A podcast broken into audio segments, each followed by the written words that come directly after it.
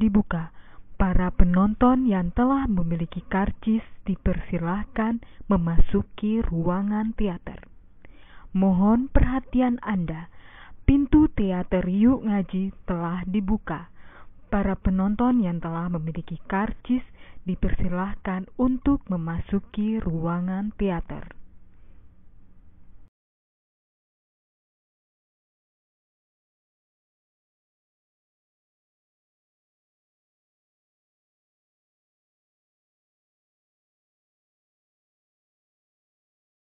Ruangan teater. Mohon perhatian Anda, pintu teater Yuk Ngaji telah dibuka.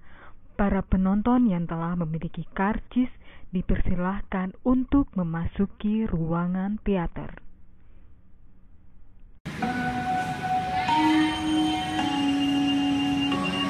Pintu teater Yuk Ngaji telah dibuka. Para penonton yang telah memiliki karcis dipersilahkan memasuki ruangan teater. Mohon perhatian Anda, pintu teater Yuk Ngaji telah dibuka. Para penonton yang telah memiliki karcis dipersilahkan untuk memasuki ruangan teater.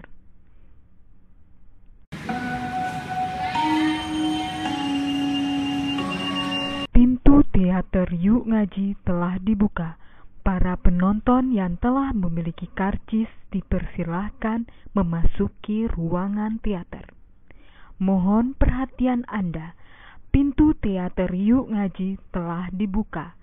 Para penonton yang telah memiliki karcis dipersilahkan untuk memasuki ruangan teater.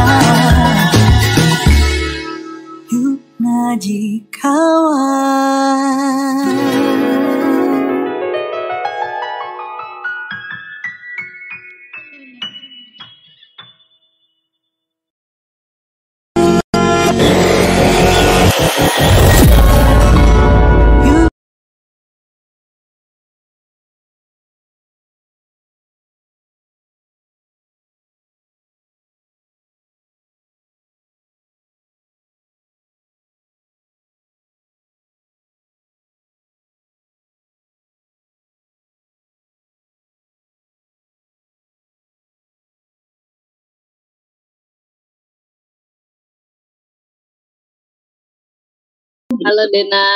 Hai hai. Ya, apa kabar? Alhamdulillah. Baik, alhamdulillah. Gimana semuanya? Benar. Alhamdulillah. Alhamdulillah. Nadia sudah sembuh? Aku kemarin alhamdulillah nggak sakit, seminggu sakit mbak. Alhamdulillah udah sembuh. Alhamdulillah. Luar Hmm. biasa ya. Kemarin tuh berasa ini ya, berasa sepi ya kita karena Banyak yang sakit. daripada banyak yang sakit. eh. Hmm. Jadi kita juga nggak banyak live kemarin. Ya insya Allah hari ini Alhamdulillah ya guys kita ketemu lagi, kita bisa nge-live lagi, kita bisa ngobrol lagi di- bersamai teman-teman yang sudah hadir. Udah perasan belum? Dari mana aja? Surabaya hadir tuh. Itu ada tadi Masya Allah. Tadi keren ya bumpernya ya, lihat belum? Aku mau ngomong bumper, bumper tuh mau bumper kalau buat video itu ya, bumper. Bumpernya keren kan kayak masuk masuk apa? Masuk bioskop gitu. Kangen gak sih Mbak? Mbak Dina ke bioskop non- sering nonton gak Mbak? Mm-mm. banget. Dulu Dulu sering banget. Dulu karena bioskop itu adalah salah satu aktivitas yang kita tuh bisa datang ke sana tanpa harus tergantung sama orang gitu. Jadi kalau kayak macam ya udah beli aja apa film apa gitu terus nonton sendiri gitu. Asik Itu killing killing killing time yang enak banget sih sebenarnya. Dulu Iya, ya. Dulu gitu. Berarti sering ke bioskop sendiri Mbak? Dulu sering banget, Oh, sering oke. banget. Oke. Nonton horor gitu ya. Nonton horor ya sendirian gitu ya seru aja sih. Soal- kalau sendirian ya ya bioskop itu kan sebenarnya kita mau nonton kan bukan buat ngobrol gitu kalau aku dulu mikirnya gitu konsepnya Mm. kayak kalau sendirian sih nggak apa di bioskop pada ngobrol. kenapa ya nggak tahu nggak tahu. Banyak banget, banyak banget orang yang ngobrol di bioskop. Oh iya iya. Nggak Iya. mungkin gitu berisik. Iya. apalagi kalau spoiler gitu Oh. eh btw mana nih teman-teman kok tulisannya di live chatnya pengelak Masa ya Allah. Oh iya benar. gimana guys ini Eh, lancar ya. Semoga lancar malam ini di Palembang, dari Madura, Jember, Purbalingga. Masya Allah. Banyuwangi. Yang dulu tebak-tebakan nama kok. Nama kota. Kota-kota apa yang em, sangat-sangat tua? Bintaro. Eh, itu baru disebut Purba. Purbalingga ya kan. Jadi berasal lingga yang berasal dari zaman purba gitu kayaknya. Ini kita lagi nungguin yang lain nih pada belum hadir. Nih siapa nih yang sudah muncul di sini? Kayaknya Apa sih Kak namanya? Gitu ya. Deh. Kebakaran. Asabil. jangan, jangan. Ustazah. Alhamdulillah. Makfur. Iya gak sih? I Oh, iya, benar. Yeay. Ya ya ya ya. Juga. Coba nggak sih Iya. Hmm. Sedang menyarankan begitu. Iya ya, aku eh, refresh terus masih. Oh juga nih kalau lihat di YouTube Oh. tapi live chatnya jalan sih. Iya. Kenapa? Iya, aku pikir itu aku doang. Oh berarti kita semua Ternyata yang lain juga gitu. Ya Allah Rabbi, ternyata ngeleknya Iya, iya, kita iya. berjamaah ya guys. Aku Jadi pikir itu jaringanku sendiri. Eh, eh, Iya, muter doang. Tapi live chatnya jalan kan?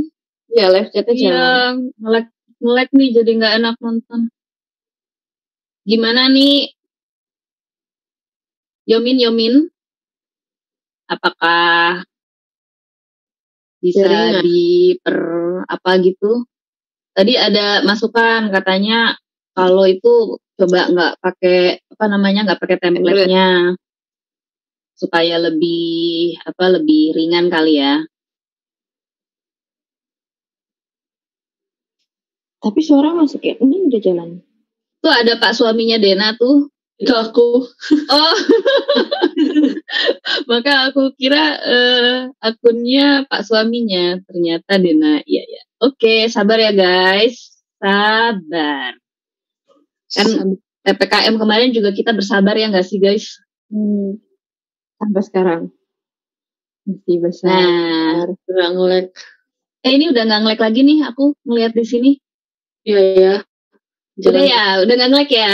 Alhamdulillah. Alhamdulillah udah mulai lancar ya. Baiklah, kita tadi mau ngobrol-ngobrol apa tuh? Soal yang lagi rame-rame itu. BTW aku tuh taunya juga gara-gara ada yang DM DM gitu loh ke Instagram. Hmm. Dena pasti banyak ya. Iya.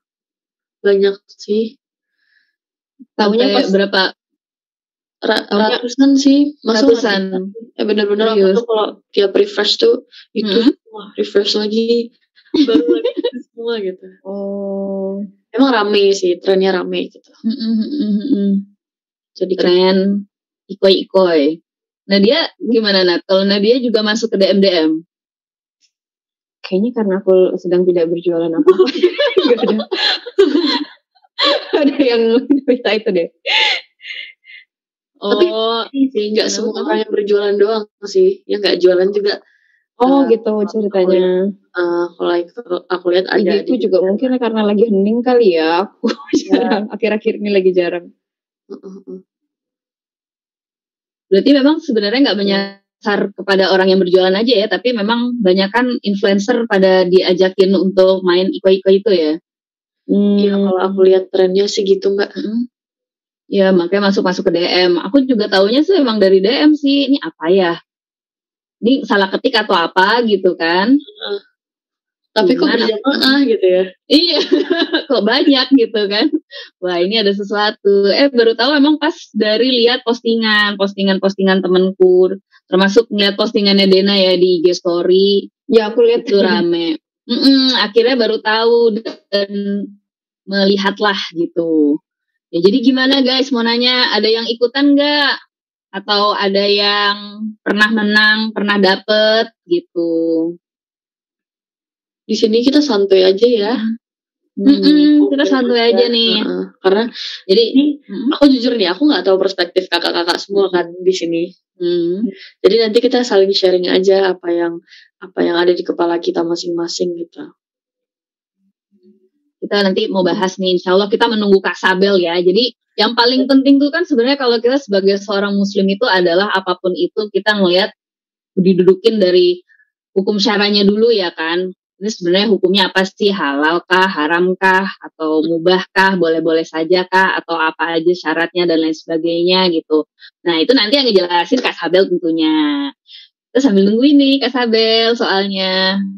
Habis itu nanti baru kita bahas tuh gimana sih pandangan teman-teman yang ikutan tren tersebut atau gimana sih pandangan tentang influencernya itu sendiri yang kemudian eh, meng, apa namanya menginisiasi ya menginisiasi program bagi-bagi tersebut gitu. Ini ada yang jawab nih kena dapat sentil.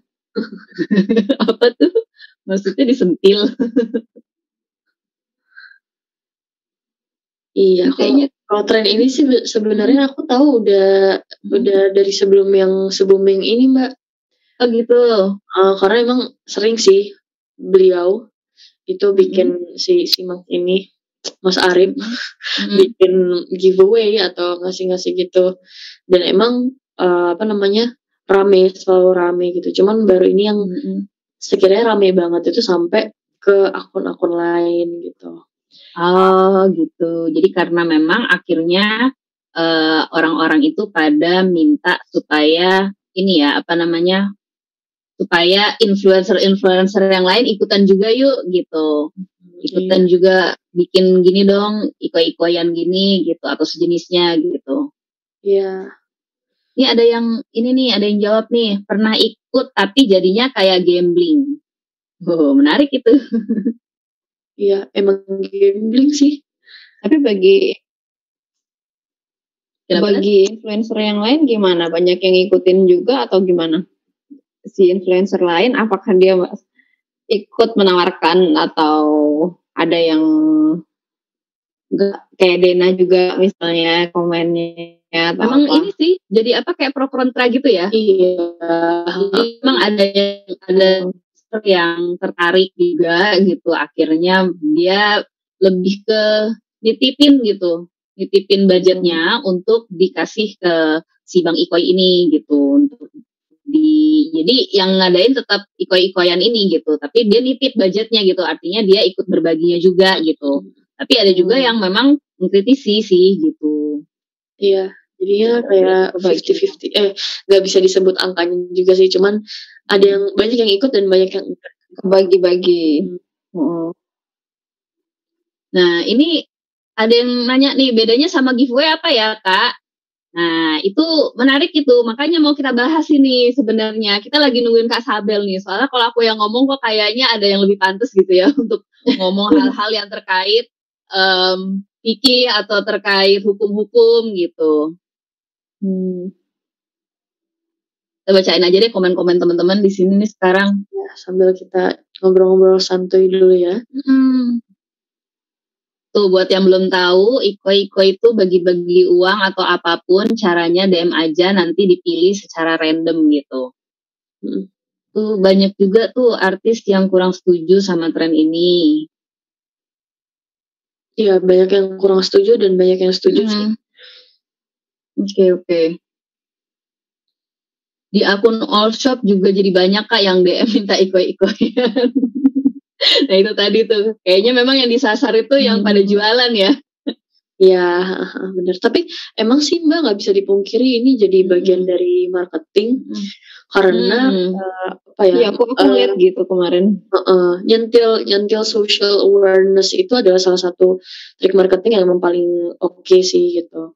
Tapi kita nggak bisa lihat dari situnya doang. Maksudnya kalau misalnya kita lihat Bang Arif, memang beliau ini eh, si Bang Arifnya ini emang niatannya untuk bagi-bagikan gitu, untuk sedekah, untuk eh, apa namanya ngasih di tengah kekrisisan ini gitu. Hmm, Ya. betul betul.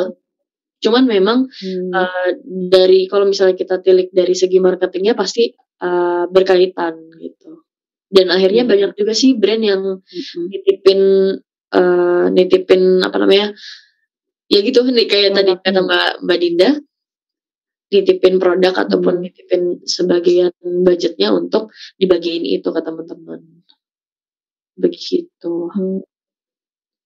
Jadi memang ini berbeda dengan giveaway ya, karena kalau giveaway itu kan hadiahnya kita yang nentuin ya sebagai pembuat giveaway, kita yang nentuin hadiahnya, terus habis itu teman-teman biasanya dikasih syarat ataupun juga biasanya giveaway itu paling ada yang kayak suruh bikin apa atau sekedar cuman kayak ngetek temennya posting ini ya sebenarnya itu syarat juga sih ya, intinya seperti itulah dan habis itu dipilih mungkin bisa jadi random ataupun dipilih berdasarkan kalau misalnya suruh bikin kayak apa tuh pernah bikin pantun atau bikin review atau bikin resume gitu. Nah, itu mungkin dipilih yang terbaik gitu.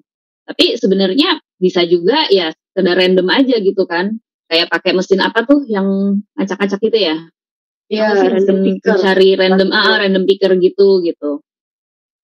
Nah, jadi kalau giveaway itu teman-teman bedanya itu adalah itu tadi hadiahnya udah kita tentuin biasanya udah di list gitu kan. Nah, cuman kalau misalnya si yang tren terbaru ini yang iko-iko itu kayaknya nggak ada nggak ada apa nggak ada listnya gitu ya atau memang sesuka hati yang pemberinya aja gitu kadang-kadang Iya kadang-kadang mau 5 juta, mau 10 juta, kadang-kadang produk, kadang-kadang apa gitu. iya Iya kan, kayak gitu. lebih ke menyesuaikan ya. Mm-mm, gitu dan em, syaratnya itu adalah eh, kita harus minta dulu gitu kan. Bang minta ini itu dan lain sebagainya gitu. Baru nanti apakah dikabulkan atau kemudian di skip gitu. Kita ya kita eh, nginfoin ini mbak kebutuhan kita gitu. Mm, mm, mm, mm, mm, mm, mm. jadi memang sebenarnya kalau dari sisi influencernya sendiri itu kalau ya kalau aku melihat memang itu sebenarnya bisa jadi sebuah apa ya sebuah awareness sosial ketika di masa pandemi seperti ini yang orang-orang lagi susah terus kemudian bisnis juga kemudian banyak yang naik turun gitu terus ya banyaklah yang terdampak gitu kan dan kemudian ada orang yang kemudian dengan kelebihannya bisa berbagi banyak gitu kan dengan cara yang lebih ke caranya mungkin kayak seru-seruan gitu ya. Mm. kayak begitu gitu. Ya memang kalau tadi dibilang sebagai em, strategi branding atau marketing bisa juga sih. Bisa di, bisa dibilang seperti itu kan maksudnya branding orang itu kan macam-macam ya. Ada yang memang dia pengen menunjukkan bahwa um, kayak misalnya Dena. Dena kan misalnya dikenal dengan um, minimalism gitu. Jadi ya otomatis memang uh, apa namanya yang Dena lakukan dalam sosial medianya itu pasti sesuatu yang terkait dengan bagaimana menunjukkan kehidupan yang sebisa mungkin menerapkan minimalism itu gitu. Nah kalau banyak um, apa sih istilahnya entrepreneur gitu ya. Entrepreneur itu memang banyak yang kemudian menunjukkan uh, bahwa kalau misalnya kita punya uang banyak itu bukan berarti terus kemudian kita pamer-pamer harta atau pamer-pamer barang-barang branded aja gitu. Tapi bisa loh bikin sesuatu yang give back gitu. Ya. Jadi kembalikan lagi nih gitu. Ya kan beliau memang seorang entrepreneur kan? Yes. Nah, beliau seorang entrepreneur dan habis itu kemudian dia give back dengan cara ya seperti itu gitu. Yeah. Dan banyak entrepreneur-entrepreneur lain juga sebenarnya kayak yang apa sih um, ada yang tahu nggak kayak sedekah-sedekah rombongan kegiatan-kegiatannya atau apa ya? Ya, ya. pokoknya intinya sih mereka mereka menunjukkan bahwa kalau jadi seorang entrepreneur tuh emang kudu harus dari um, ya. itu tadi harus harus apa namanya ya ibaratnya gini jadi kayak kita boleh menjadi seorang entrepreneur kaya raya tapi kemudian eh, kekayaan kita itu memang harus bermanfaat gitu. Sama kayak misalnya siapa ya um, mungkin pada tahu nggak Kang Dewa? Randy. Ya mungkin Kang Randy juga Ustadz Randy. Kang Dewa hmm. Eka Prayoga Dewa Seling.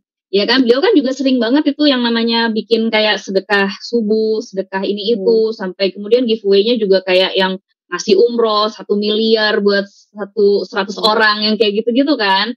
Which is memang itu sebenarnya apa ya, kalau aku ngeliat bisa jadi kayak sebuah ajakan orang-orang, nggak ada salahnya loh jadi seorang entrepreneur yang kemudian punya harta, tapi hartanya ini kemudian dikembalikan lagi kepada masyarakat, kepada umat gitu. Hmm. Ini Kak, Den, Kak, Kak Sabel mana ya? Hari ini. ya banyak yang bilang tadi katanya kalau dari yang Buya Yahya, beliau uh, mengatakan hukumnya mubah. Hmm. Mungkin bikin seperti itu. Iya. Itu banyak juga sih yang ngirim ke aku. Hmm? Eh, ntar dulu deh tunggu Kasabel. iya, makanya kita mau mau dengerin ini Kasabelnya nih, Kasabel. Apa mungkin lagi ini ya, lagi makan malam dulu. apa nggak apa-apa ya kita bahas tipis aja kali ya Mbak? Iya kita bahas tipis-tipis dulu deh sambil nunggu Kasabel gitu. Iya. Kalau itu sih tadi pendapatku sih. Uh -uh. Kemarin kan aku tren ya. itu.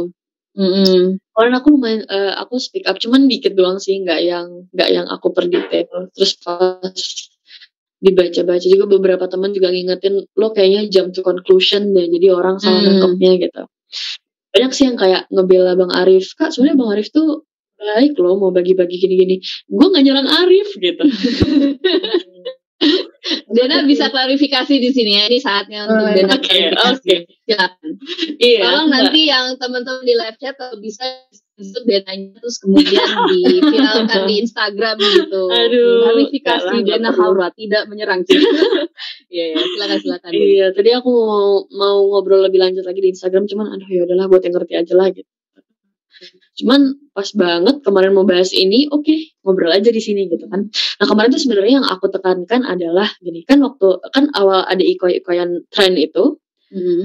uh, karena memang Bang Arif itu kan akhirnya rame kan di Instagramnya itu hmm. terus berkala itu uh, iko-ikoyan terus. Nah akhirnya teman-teman ini, teman-teman followers ini rembetlah ke uh, influencer lain gitu atau atau orang-orang lain gitu. Akhirnya pada request bikin dong atau atau bahkan mungkin beberapa orang dan banyak sih di antara teman-teman yang langsung minta gitu bahkan teman-teman gue hmm. juga ada sih yang curhat ya kayak hmm. lumayan parah sih case-nya kayak kak hmm. uh, tolong kirimin aku uang ya aku minta uang soalnya aku mau resepsi nikah gitu itu kan something yang kalau kalau aku pribadi itu itu hmm. aku tercengang hmm. dengan hal itu tercengang ya tercengang kalau untuk Bang Arifnya it's it's good for him dia ngasih orang gitu kan Hmm. it's good for him kalau kalau dari aku cuman yang aku coba adalah eh, teman-teman yang yang bisnya itu minta ke orang yang orang itu tidak mengikuti tren itu gitu nggak ikut ikutan kayak nggak Hmm. declare guys Hmm. kamu bilang ke aku ya kamu Hmm. butuh apa aku kasih sesuatu orang itu tuh nggak declare itu tapi orang-orang pada minta tiba-tiba gitu sampai aku eh, Hmm. aku juga ngeliat uh, vlogger gitu tiba dia bilang ini apa orang pada mintain makeup sama skincare gue pada pada minta gitu kan. Itu kan jadi orang mungkin jadi shock terapi gitu. Apa nih kok tiba-tiba orang minta ke gue? Gue nggak ngapa-ngapain gitu kan. Hmm. nah itu yang aku coba untuk criticize. Uh, yang yang nggak gue sukain dari tren ini adalah ketika tiba-tiba orang minta gitu. Se- sementara kita coba untuk menawarkan sesuatu seperti yang bang Arif coba tawarkan kalau misalnya bang Arif nawarin itu kan jadi fair ya. Jadi jadi fair gitu. Hmm. oke oke uh, gue kasih peluang lo untuk ngomong ke gue ses- eh, minta ke- eh, bilang ke gue kebutuhan lo coba gue untuk penuhi gitu itu kan fair ya Hmm. balance gitu nah ini tiba-tiba kalau nggak kenal kayak aku ngebayangin gini aku lagi jalan di mall atau di mana tiba-tiba orang kak minta dong kerudung lo Kerudung lo pakai sekarang, minta sekarang. iya Oh, itu sih palak sih ya. Iya, iya, iya. Bener. Kita gitu. Gitu gitu. Hmm. Nah terus eh, yang yang aku gemesin juga salah satunya adalah yang diminta itu kadang hal-hal yang gak esensial, nggak esensial as if kayak minta kerudung tiba-tiba gitu. Terus kayak temenku tadi tiba-tiba minta uang untuk ngadain resepsi nikahannya itu kan Hmm. sesuatu yang oh nggak kayak gitu harusnya kita sebagai seorang muslim guys gitu kan Hmm. ya kan terus apalagi yang minta tuh kebanyakan mungkin pemuda gitu Uh, Iya sih. muslimah atau muslim yang masih muda-muda yang sekiranya kita tuh masih berdaya dan apa ya kalau yang aku pahami default kita itu sangat menjaga izah ya sangat menjaga diri dari minta-minta kecuali kita udah di lowest apa titik terendah kita yang sama sekali kita nggak bisa berusaha sama sekali gitu Hmm. yang sama sekali kita nggak bisa ngelakuin apa pun kita udah coba A B C sampai Z kita udah lemah banget nggak berdaya barulah eh, apa namanya opsi minta-minta itu menjadi oke gitu.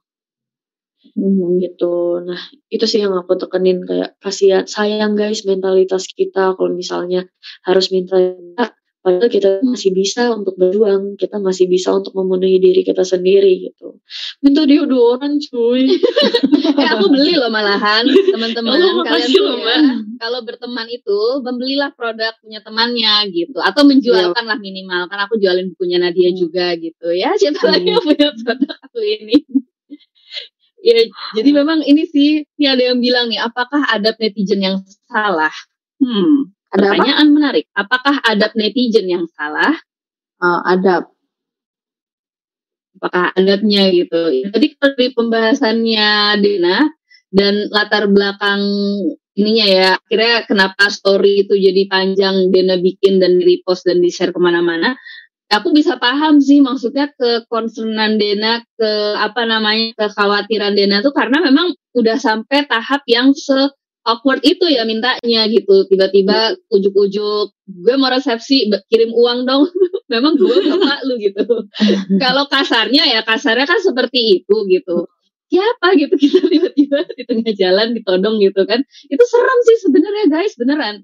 Perumpamaan yang Dena bilang tadi tuh bener gitu. Kita tiba-tiba lagi duduk di angkot sendirian tiba-tiba ada yang bilang mbak bagi uangnya dong saya nggak punya ongkos buat pulang. Itu agak serem sih kadang-kadang Oh, walaupun walaupun ya mungkin kalau di sosial media itu kan mungkin maksudnya bercanda atau mungkin sekedar iseng-iseng belaka tapi memang kalau secara secara kita bawa ke konteks yang seperti itu ya wajar sih. Makanya Dena kemudian abis itu bikin story seperti itu gitu ya. Jadi gitu ya guys ya jangan disalahpahami. Dena sudah klarifikasi juga bahwa kita tidak menyerang siapa-siapa gitu. Iya. tapi di sini nih kita memang bisa sama-sama lah sharing gitu buat belajar kalau em, itu tadi apa namanya apa sih yang bisa kita ambil baiknya dan kita buang buruknya gitu. Nah mungkin kalau untuk membuang buruknya salah satunya itu tadi adabnya mungkin yang perlu. Kemudian ya pokoknya nggak tiba-tiba langsung ujuk-ujuk kirimin uang gitulah. Tak kirimin uang kayak gitu kan tapi misalnya nanya dulu kak eh, ini nggak apa namanya buka permainan ikoi-ikoi nggak gitu. Nanya dulu gitu kan mestinya guys. Kalau aku sih yang eh, di DM aku lebih ke ini sih bukan ke minta langsung gitu tapi lebih ke menginfokan di luar sana ada ada ada permainan seperti itu dan eh, apa namanya mereka bertanya aku ikutan nggak? Aku bikin juga nggak nanti hal yang seperti ini? Jadi nggak ada yang kayak paksaan seperti itu gitu. Wah, alhamdulillah gestar kita sudah datang. Masya Oh, Allah sekali.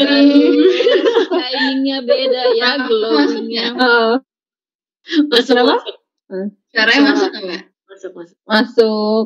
Mas eh, Kak Sabel, apa kabar? Ih, Masya Allah. Berseri ya. Glowingnya Mm, memang, glowing. glowingnya memang ya. beda ya. Glowing.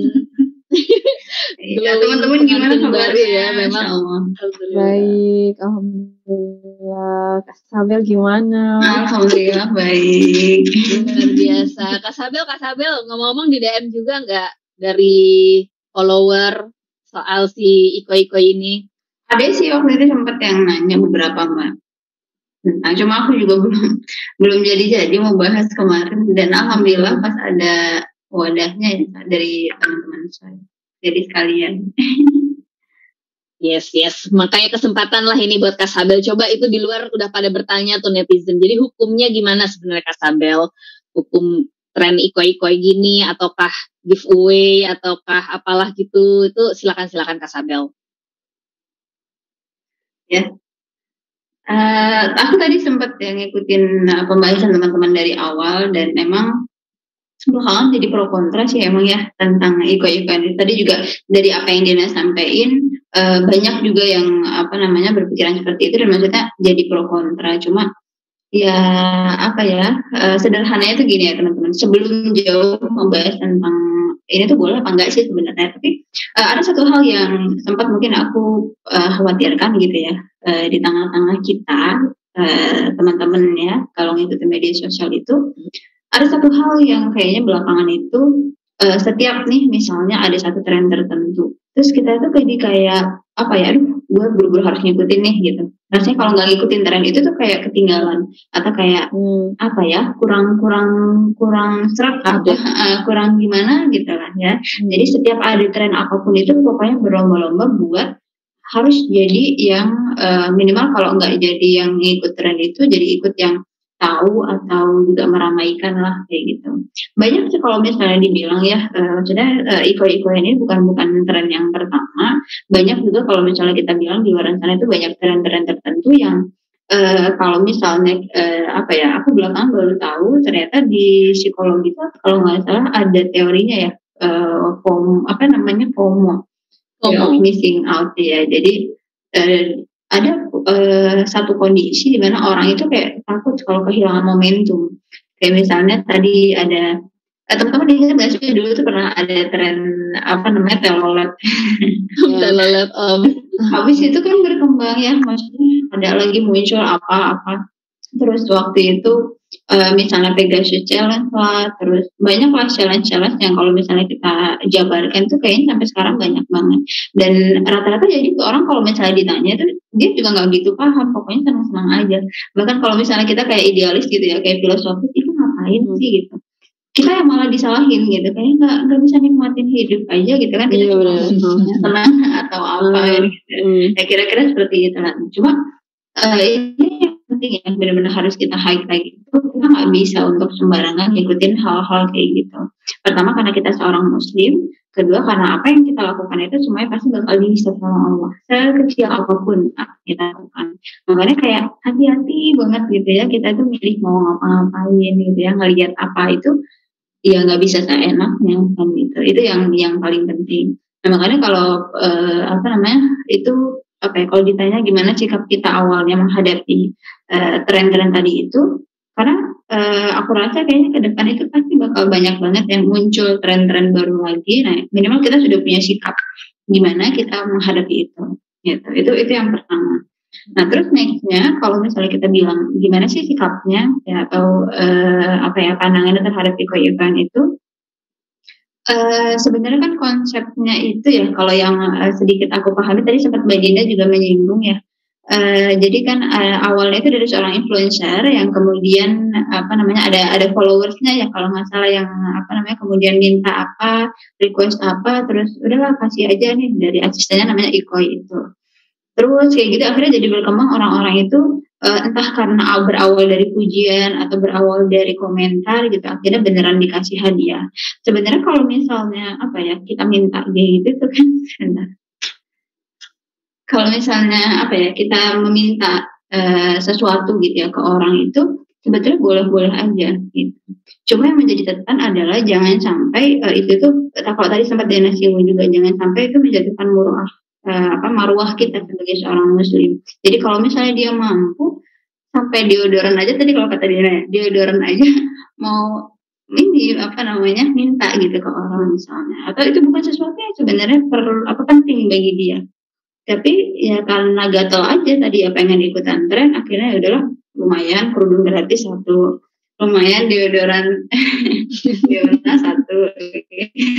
Hmm. lumayan hijab aliran itu gitu ya. Atau apa ya semuanya kayak gitu. Jadi uh, hal itu yang kayaknya udah mulai hilang ya atau terkikis. Jadi orang itu kayak rasa malunya juga juga luntur gitu. Maksudnya selagi dia mampu harusnya kan dia uh, berdiri di atas kakinya sendiri gitu. Uh, apa namanya?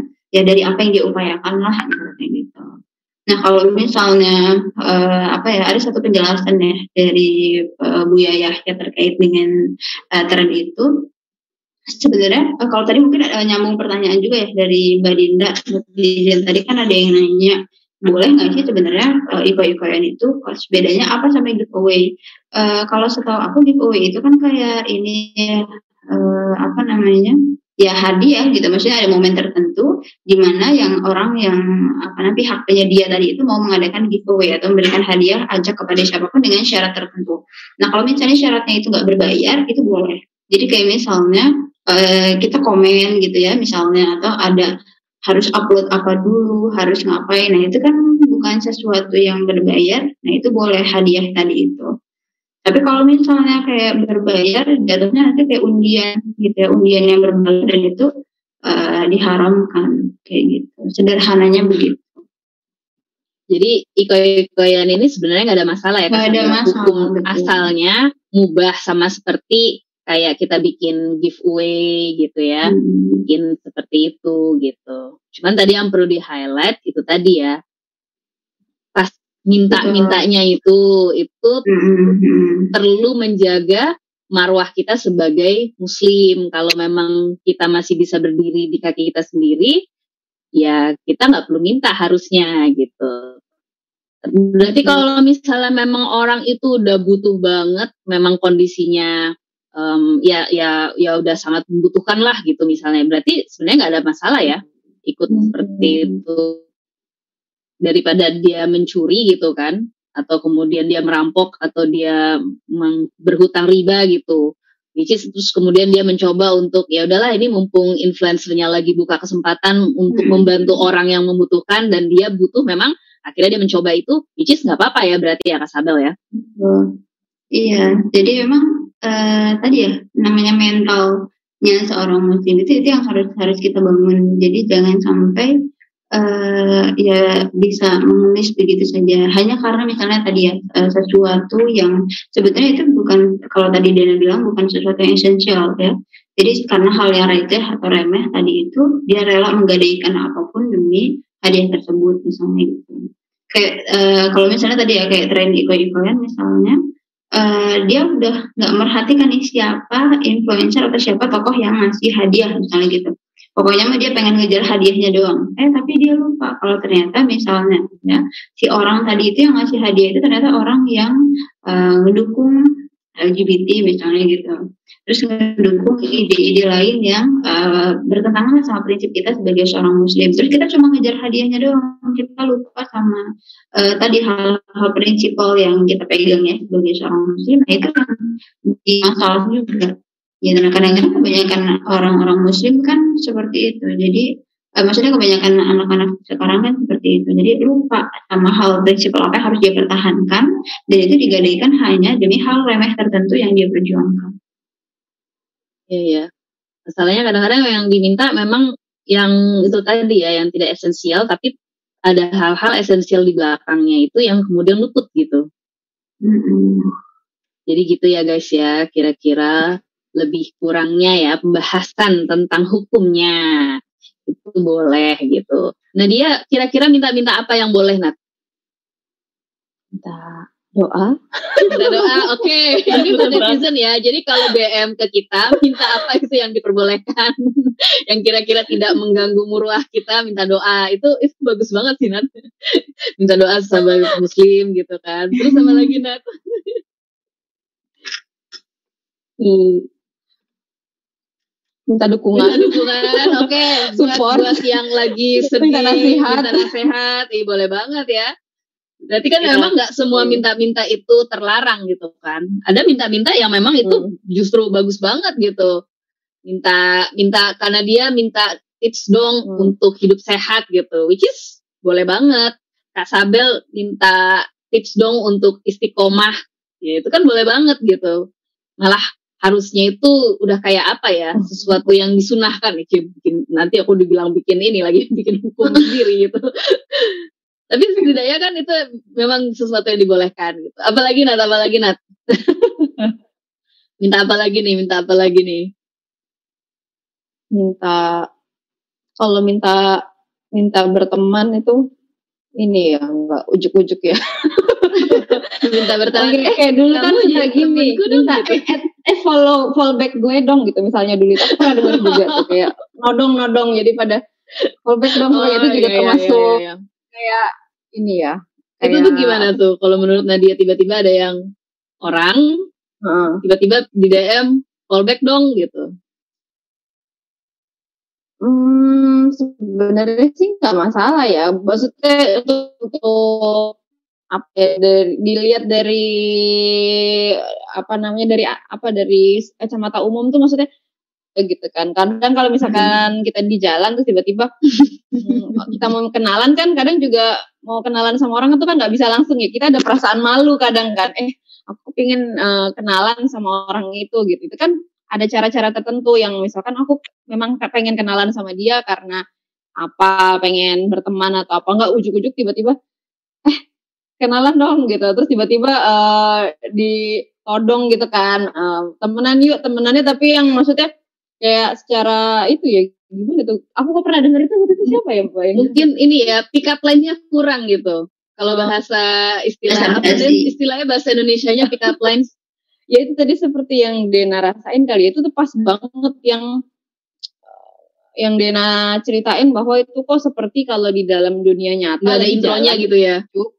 eh, eh, lagi jalan ucuk ucuk terus ada orang bagi dong ininya gitu minta dong ininya. Kan kita kan kaget gitu ya itu bukan sebuah hal yang normal di kehidupan nyata gitu. Tapi kadang di sosial media tuh kadang itu bisa terjadi hal-hal yang em, tidak ada di dunia nyata gitu kan. Mungkin karena tidak terlihat wajahnya atau kita eh, apa namanya tidak ketemu di hadapan kita langsung sehingga kita bisa mengatakan sesuatu yang kayaknya tuh eh, tidak diduga-duga dan bisa menghilangkan rasa malu tadi itu gitu. Sedangkan kalau di depan di kehidupan nyata itu kan kita kadang rasa malu itu kan udah otomatis ada gitu ya. Tapi kalau di sosial media tuh tiba-tiba kayak nyablak aja gitu. Aku ingat juga dulu pernah zaman sekolah lagi jajan gitu kan mbak di warung apa di kantin sekolah gitu tiba-tiba ada anak di sebelahku itu ingat banget aku sampai sekarang dari kira berkesan gitu aku lagi bayar tiba-tiba di sebelahku dia bilang gini "Eh, eh ini bayarin punyaku juga dong tapi aku nggak kenal mbak. Nggak tahu. Siapa kan gitu. apa ya? Ide aja gitu ya mbak. Heeh, tapi kadang kan ada ada beberapa orang yang kadang kalau Mm-mm. ditodong seperti itu kan kayak sungkan juga ya mbak. Ada yang tipenya Mm-mm. kamu kenapa? Kamu siapa? atau apa. Tapi ada Mm-mm. juga yang kayak dihipnotis gitu mungkin di lama-lama Allah iya. Gitu. Nah dia akhirnya ini bayarin aku lupa kok aku sampai lupa ya. Tapi yang paling saya ingat itu kata-katanya dia itu yang langsung eh bayarin juga dong punya gue. Ah, nggak seberapa mungkin sih cuman kayak se kayak jajan apa gitu loh mbak. Tapi dia aku tidak kenal dia dan di sebelahku tiba-tiba dia ngomong gitu. Jadi itu itu banget seperti yang Dena bilang nggak lucu kalau tiba-tiba lagi jalan tiba-tiba dia minta gitu. Hmm, ya agak ini juga ya.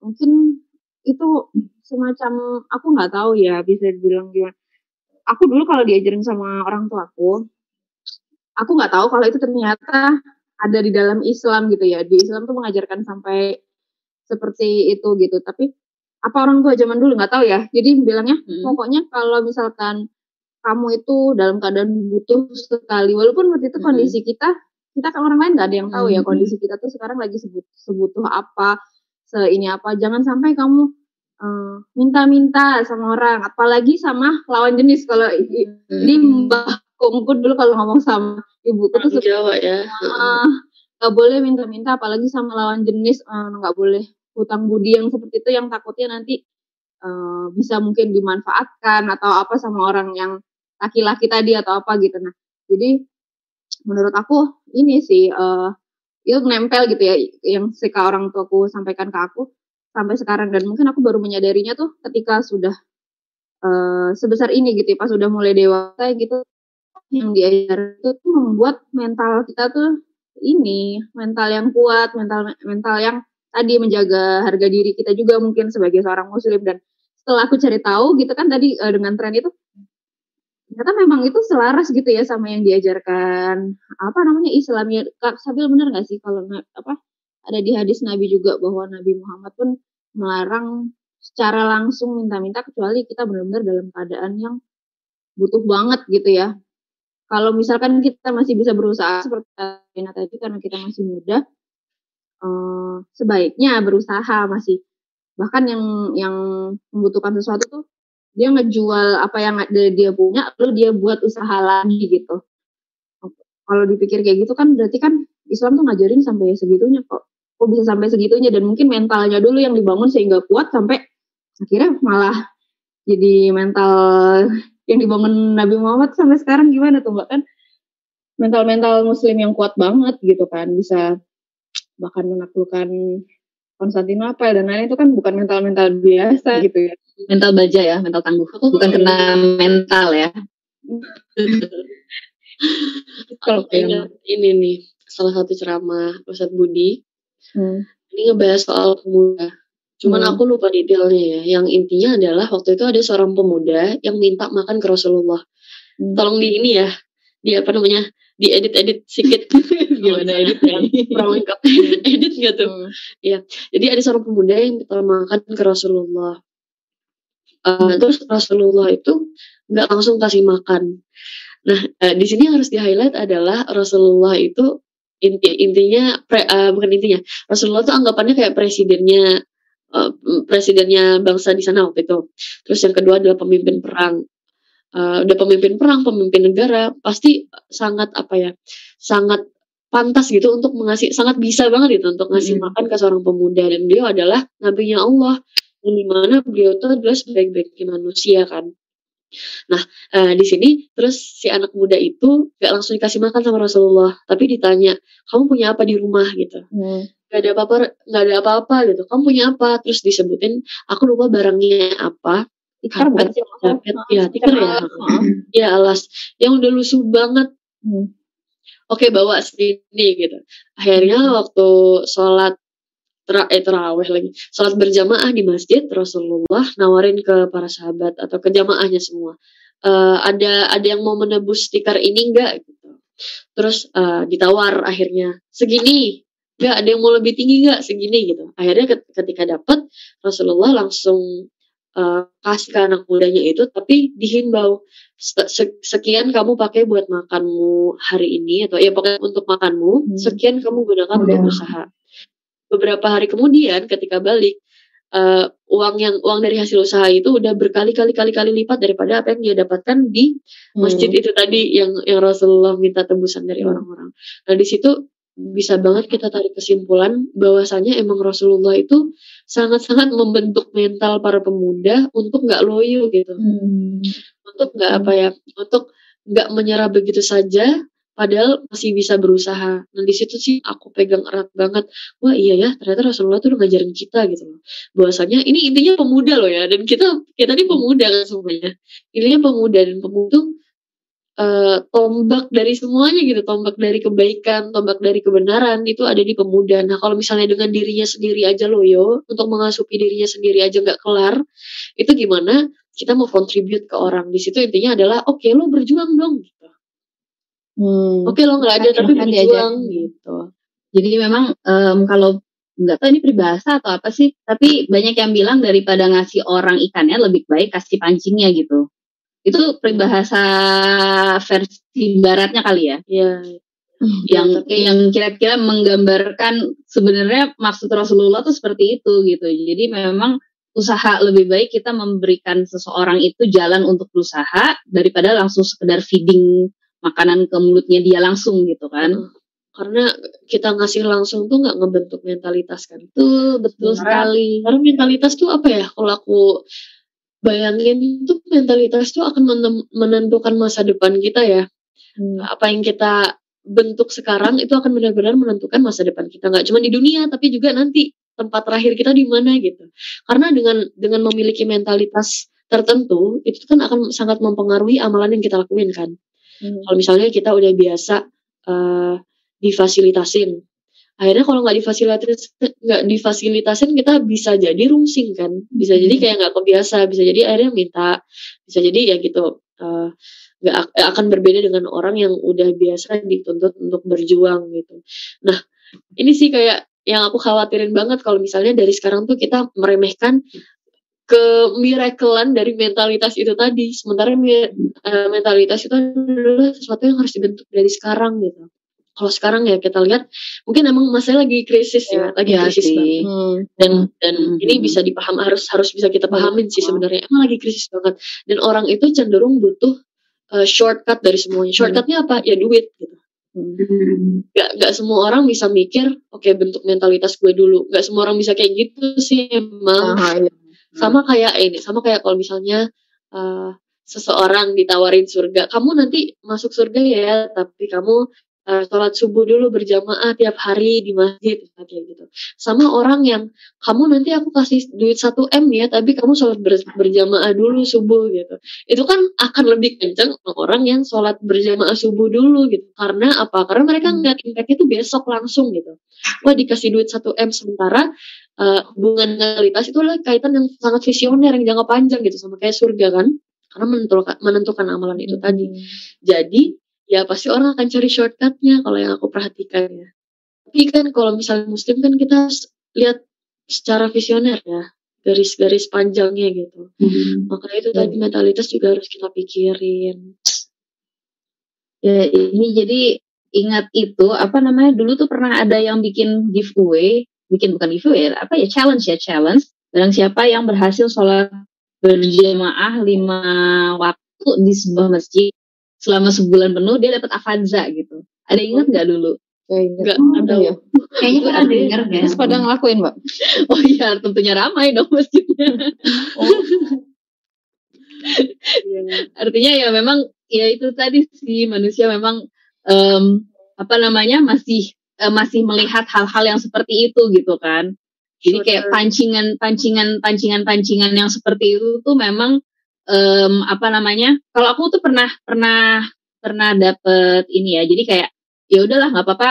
Misalnya maksudnya kayak si peng- pengurus masjidnya melakukan itu berharap bahwa ya mungkin orang-orang memang pada awalnya tuh akan semuanya itu ter- tergiur karena si mobil Avanzanya ini gitu. Tapi si apa namanya si pengurus masjidnya pun juga berharap bahwa mungkin di antara yang 100 orang atau mungkin setengahnya atau seperempatnya atau sepersekiannya gitu ada yang memang ketika dia ngelakuin itu terus lama-lama jadi kayak sebuah habits gitu. Karena kan sebulan ya sebulan. Dan itu terbentuk habit gitu. Yang mana ketika hadiahnya dicabut orang itu akan ngerasa kok kayak ada yang hilang ya gitu. Kalau nggak sholat ke masjid walaupun hadiahnya dia nggak dapat gitu. Jadi kayak ya itu memang ada ada agak-agak dibilang apa ya tricky sih ya dengan cara-cara seperti itu. Bisa jadi it works for some people bisa jadi ya memang orang-orang yang memang hanya memanfaatkan kesempatan yang meraih sesuatu yang yaitu tadi gitu. Sekedar karena mau avanzanya doang gitu. Tapi itu bisa juga works buat orang-orang yang memang sebenarnya dia udah punya niat udah punya eh, semangat pengen memang menjalankan taatan sholat berjamaah wajib gitu misalnya buat yang laki-laki di-trigger sama Avanza tapi ketika dia melakukan itu selama 30 hari berturut-turut nggak putus ketika Avanzanya nggak dapat dia tetap terus melakukan gitu karena itu udah menjadi sesuatu kebiasaan. Jadi ya memang harus diiringin pemahaman juga sih selanjutnya. Kayak ada dua sudut pandang gitu ya Mbak ya. Sudut pandang Iya. yang eh, eh, dia sebagai pemberi yang mungkin dia punya Hmm. punya rezeki lebih itu, bisa menyemangati dia untuk berbagi banyak memberi gitu. Hmm, Tapi buat sudut pandang yang eh, tadi si sudut pandang yang ini kita sebagai orang yang misalnya kepingin disemangatin itu tadi juga kudu tahu gimana cara eh, apa ya menempatkan diri Ya, gitu benar ya, banget, menempatkan diri. menempatkan Benar. diri ya. Itu itu itu jadi kayak kalau kita ngelihat dari sisi yang influencernya atau orang yang melakukan kebaikan tersebut, harusnya sih sebenarnya kita tuh iri gitu. Hmm. Dia kok bisa ya Benar. gitu berbagi dengan mudahnya seperti itu gitu. Hmm. Dengan apa yang dia punya dia bagikan kayak ya ibaratnya ya kayak sultan gitu kan. Bener-bener Hmm. ngasih ya bagi dia 10 juta ya bagi dia 5 juta ya bagi dia 2 juta ya begini Iya. li- kayak gitu kan itu kan kita ngeliatnya harusnya tuh iri gitu. Tapi iri dalam artian apa ya? Gitu mungkin ya. Karena kita melihat dia berbuat sesuatu yang baik dan kita pengen sebenarnya bisa seperti itu juga gitu. Nah tapi kalau dari sisi kita sebagai yang eh, peserta atau netizen itu tadi kita mesti ini juga ya Nat ya apa namanya mesti menempatkan diri tahu diri gitu Heeh.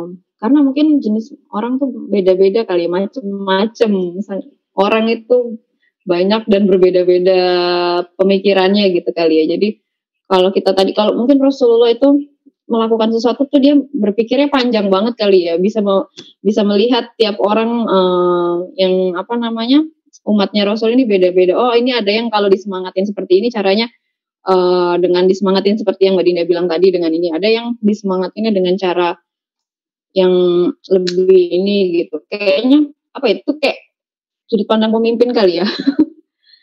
bisa apa ya, bisa menempatkan dua sisi tadi itu gitu. Sebagai si pemberi sama kalau kita sebagai orang yang lagi butuh gimana tuh tadi menempatkan dirinya. Jadi kita dapat dua pelajaran juga gitu. Intinya sih sebenarnya kalau kita ingat lagi ya kebalik lagi sih ke ini ya tangan di atas lebih baik daripada tangan di bawah sih. Sebenarnya itu sih pegangan kita ya. Mm-mm. Jadi sebisa mungkin kita harus jadi tangan yang di atas gitu. Sebisa mungkin gitu. Idealnya. Semoga bisa ya. Terus ya. Amin. Amin. Ini Sebi udah masuk. Assalamualaikum Sebi. Waalaikumsalam, tapi kayaknya di aku masih loading, Mbak. Soalnya kayak kok muter-muter ya, aku nggak paham. tapi udah, Udah Suaranya udah masuk kelihatan. Suaranya udah udah masuk. Sebinya juga udah masuk. oh udah masuk. Apa kabar Sebi? Sehat? Alhamdulillah. Padahal aku baru mau pakai background kok. Apa ya? Sedang dikejar mana, Dedek? Dede ada? Udah tidur?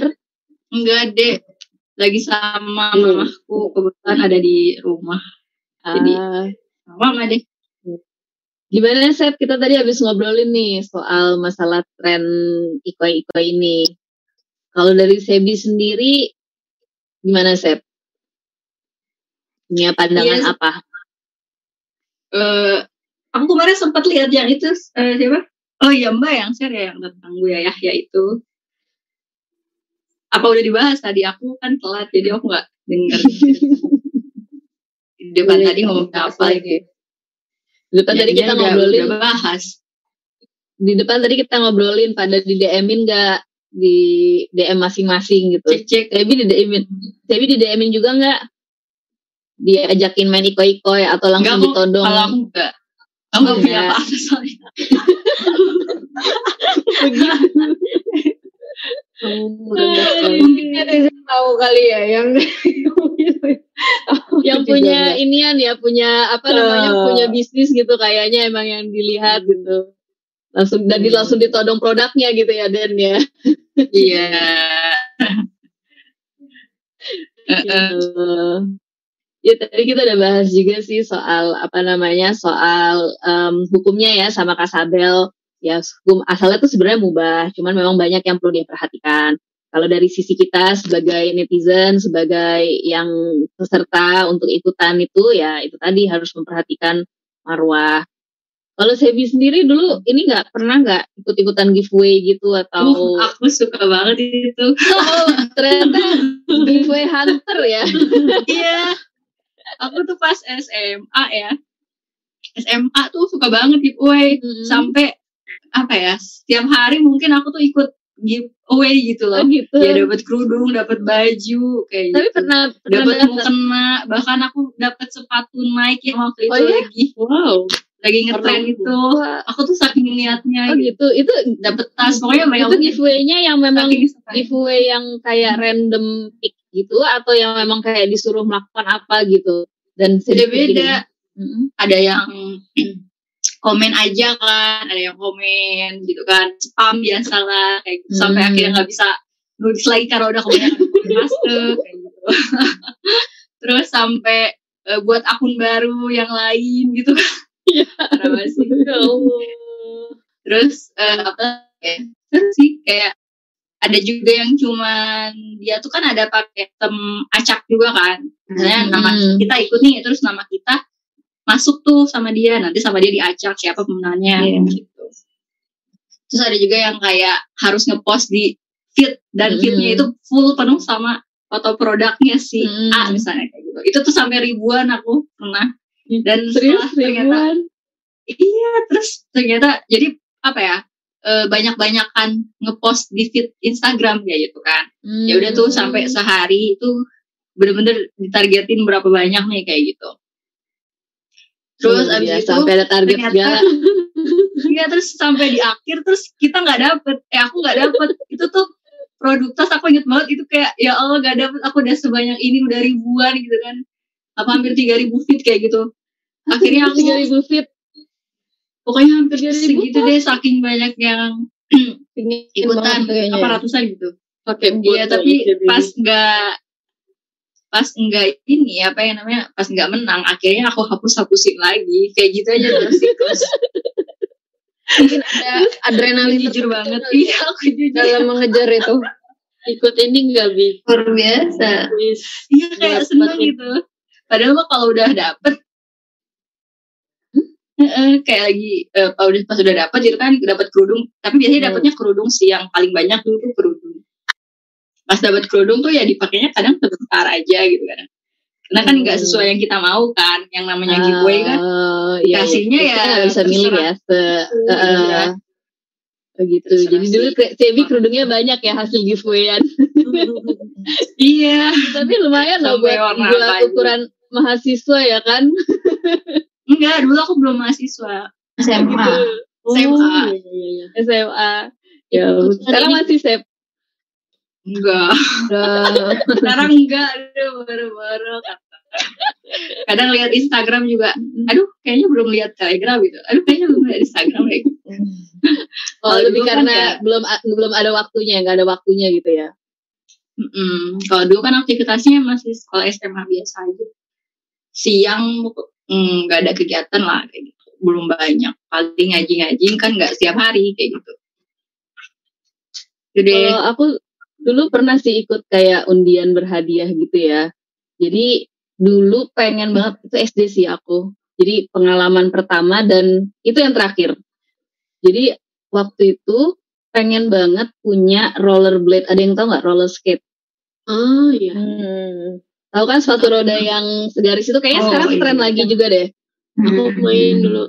Dulu main juga ya? main-main Aku dulu SD kelas berapa ya tahun 90-an something lah gitu. Itu tren pertama kali keluar kan. Wah, itu keren banget gitu. Semua orang kayaknya pada mulai main begitu dan aku pengen banget gitu.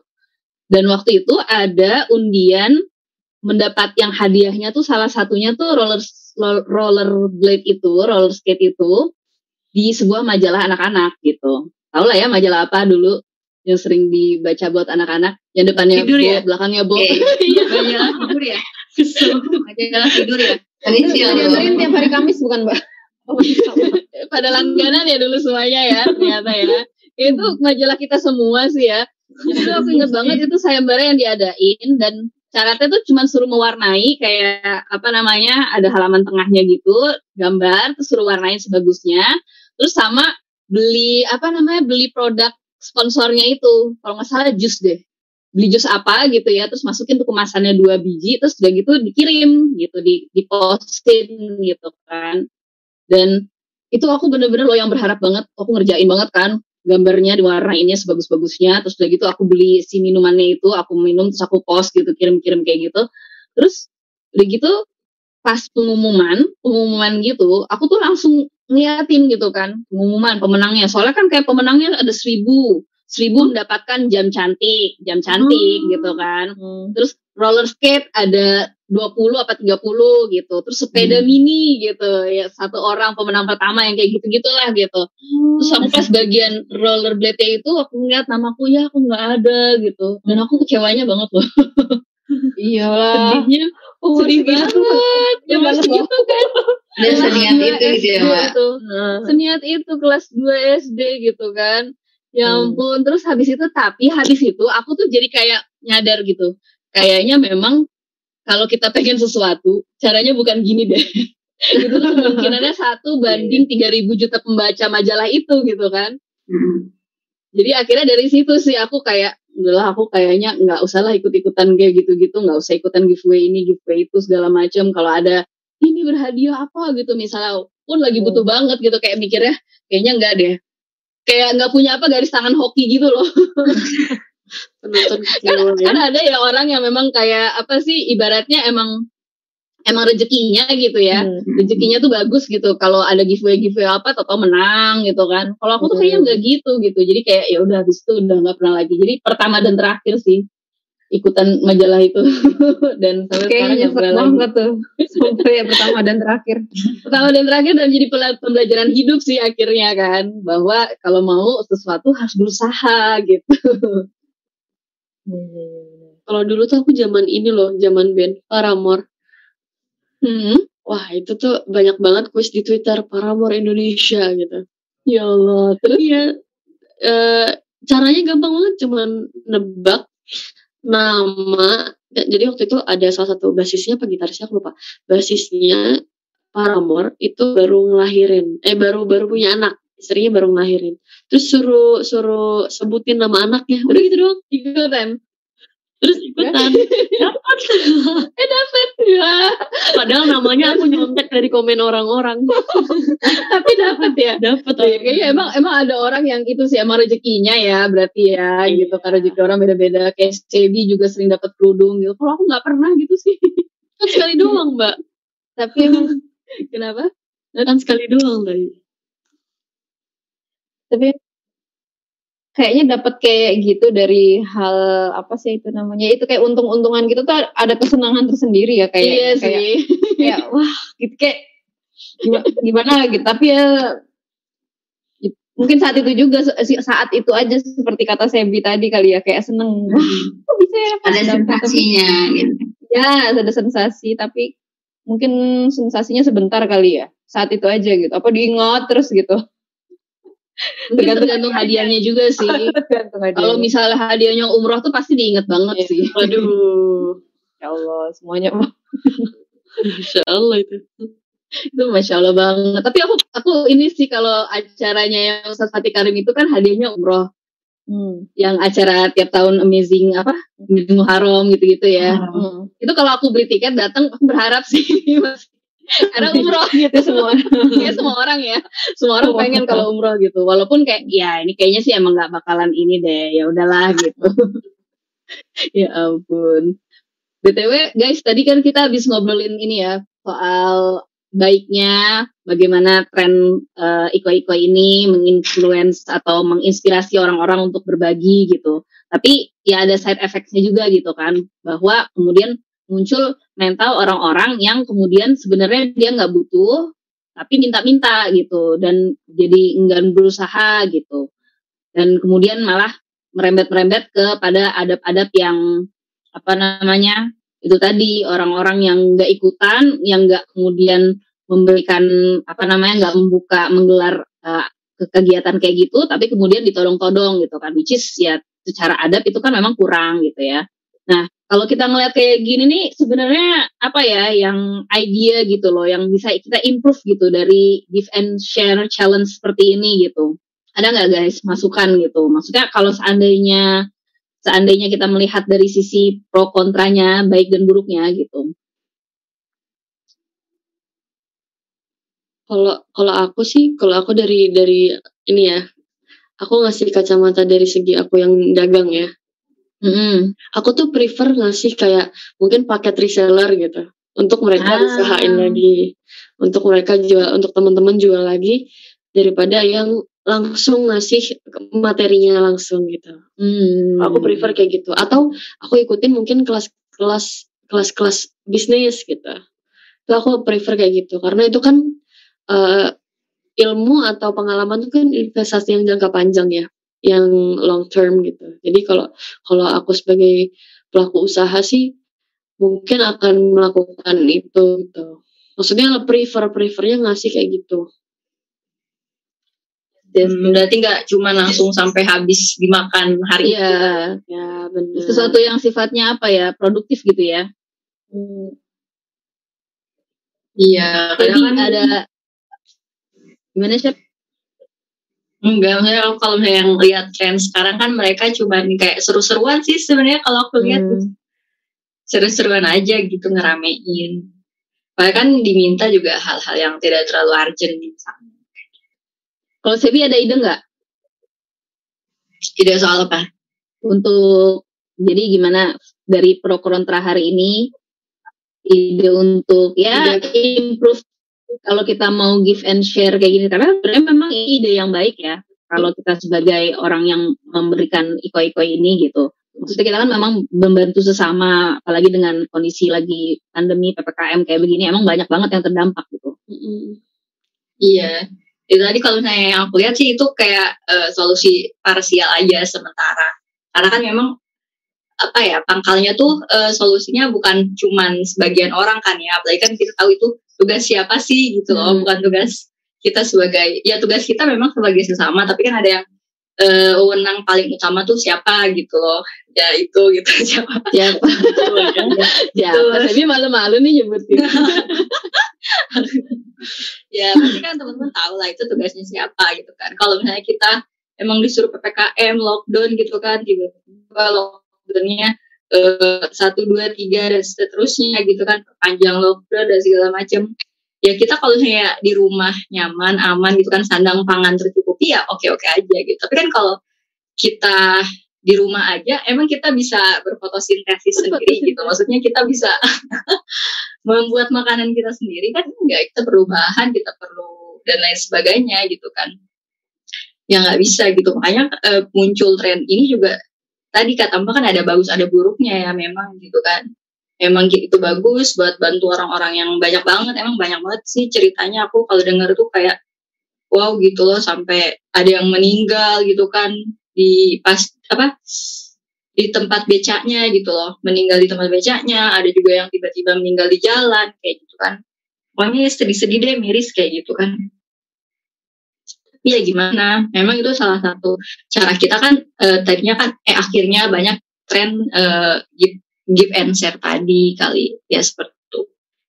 Gitu deh kalau menurut aku. Spirit bagi-bagi gimana, sih nggak kebeli ya. iya. Mm-mm. Kak Sabel gimana? Kak Sabel tadi menanggapi apa yang Sebi sampaikan Eh, aku kebayangnya tuh begini sih mbak. Eh, karena kan emang bener ya tadi kalau misalnya kalau dibilang itu sebenarnya bukan tugas masyarakat juga sih kalau misalnya katakan tadi ada yang kekurangan terus dia memang pengen bantu kalau pure ngebantu itu is oke memang bisa ya. Eh, apa namanya? Bagian dari apa ya kita niatkan sedekah lah gitu kan. Nah tapi kalau Kemanusiaan juga. misalnya Uh-uh. Tapi kalau misalnya akhirnya jadi sesuatu tuntutan kayak eh, apa namanya diminta lah ibaratnya gitu ya eh, dengan dengan satu mindset yang dibangun eh, dengan kita ngasih ke orang lain itu berarti kita membantu negara nih misalnya ya untuk mengurangi kemiskinan untuk katakanlah membantu hajat hidup orang banyak. Nah sebenarnya itu kalau aku mikirnya eh, terlalu kreatif gitu ya, terlalu terlalu jauh gitu. Karena kenapa ya? Itu sebenarnya bukan tugas kita benar tadi kalau dibilang ya. Jadi ada peran negara sebenarnya ada peran uh, pihak-pihak terkait lah untuk menopang itu semua. Tapi kalau misalnya memang uh, apa namanya tadi teman-teman ya atau siapa pun di luar sana yang berniat untuk karena sedekah tadi itu karena uh, kebetulan Allah titipkan rezeki yang berlebih ya sama dia ya itu silakan. Boleh-boleh aja. Tapi kalau untuk kemudian menjadi semacam apa ya, uh, intinya gini tadi uh, menempatkan posisi lagi lah intinya gitu.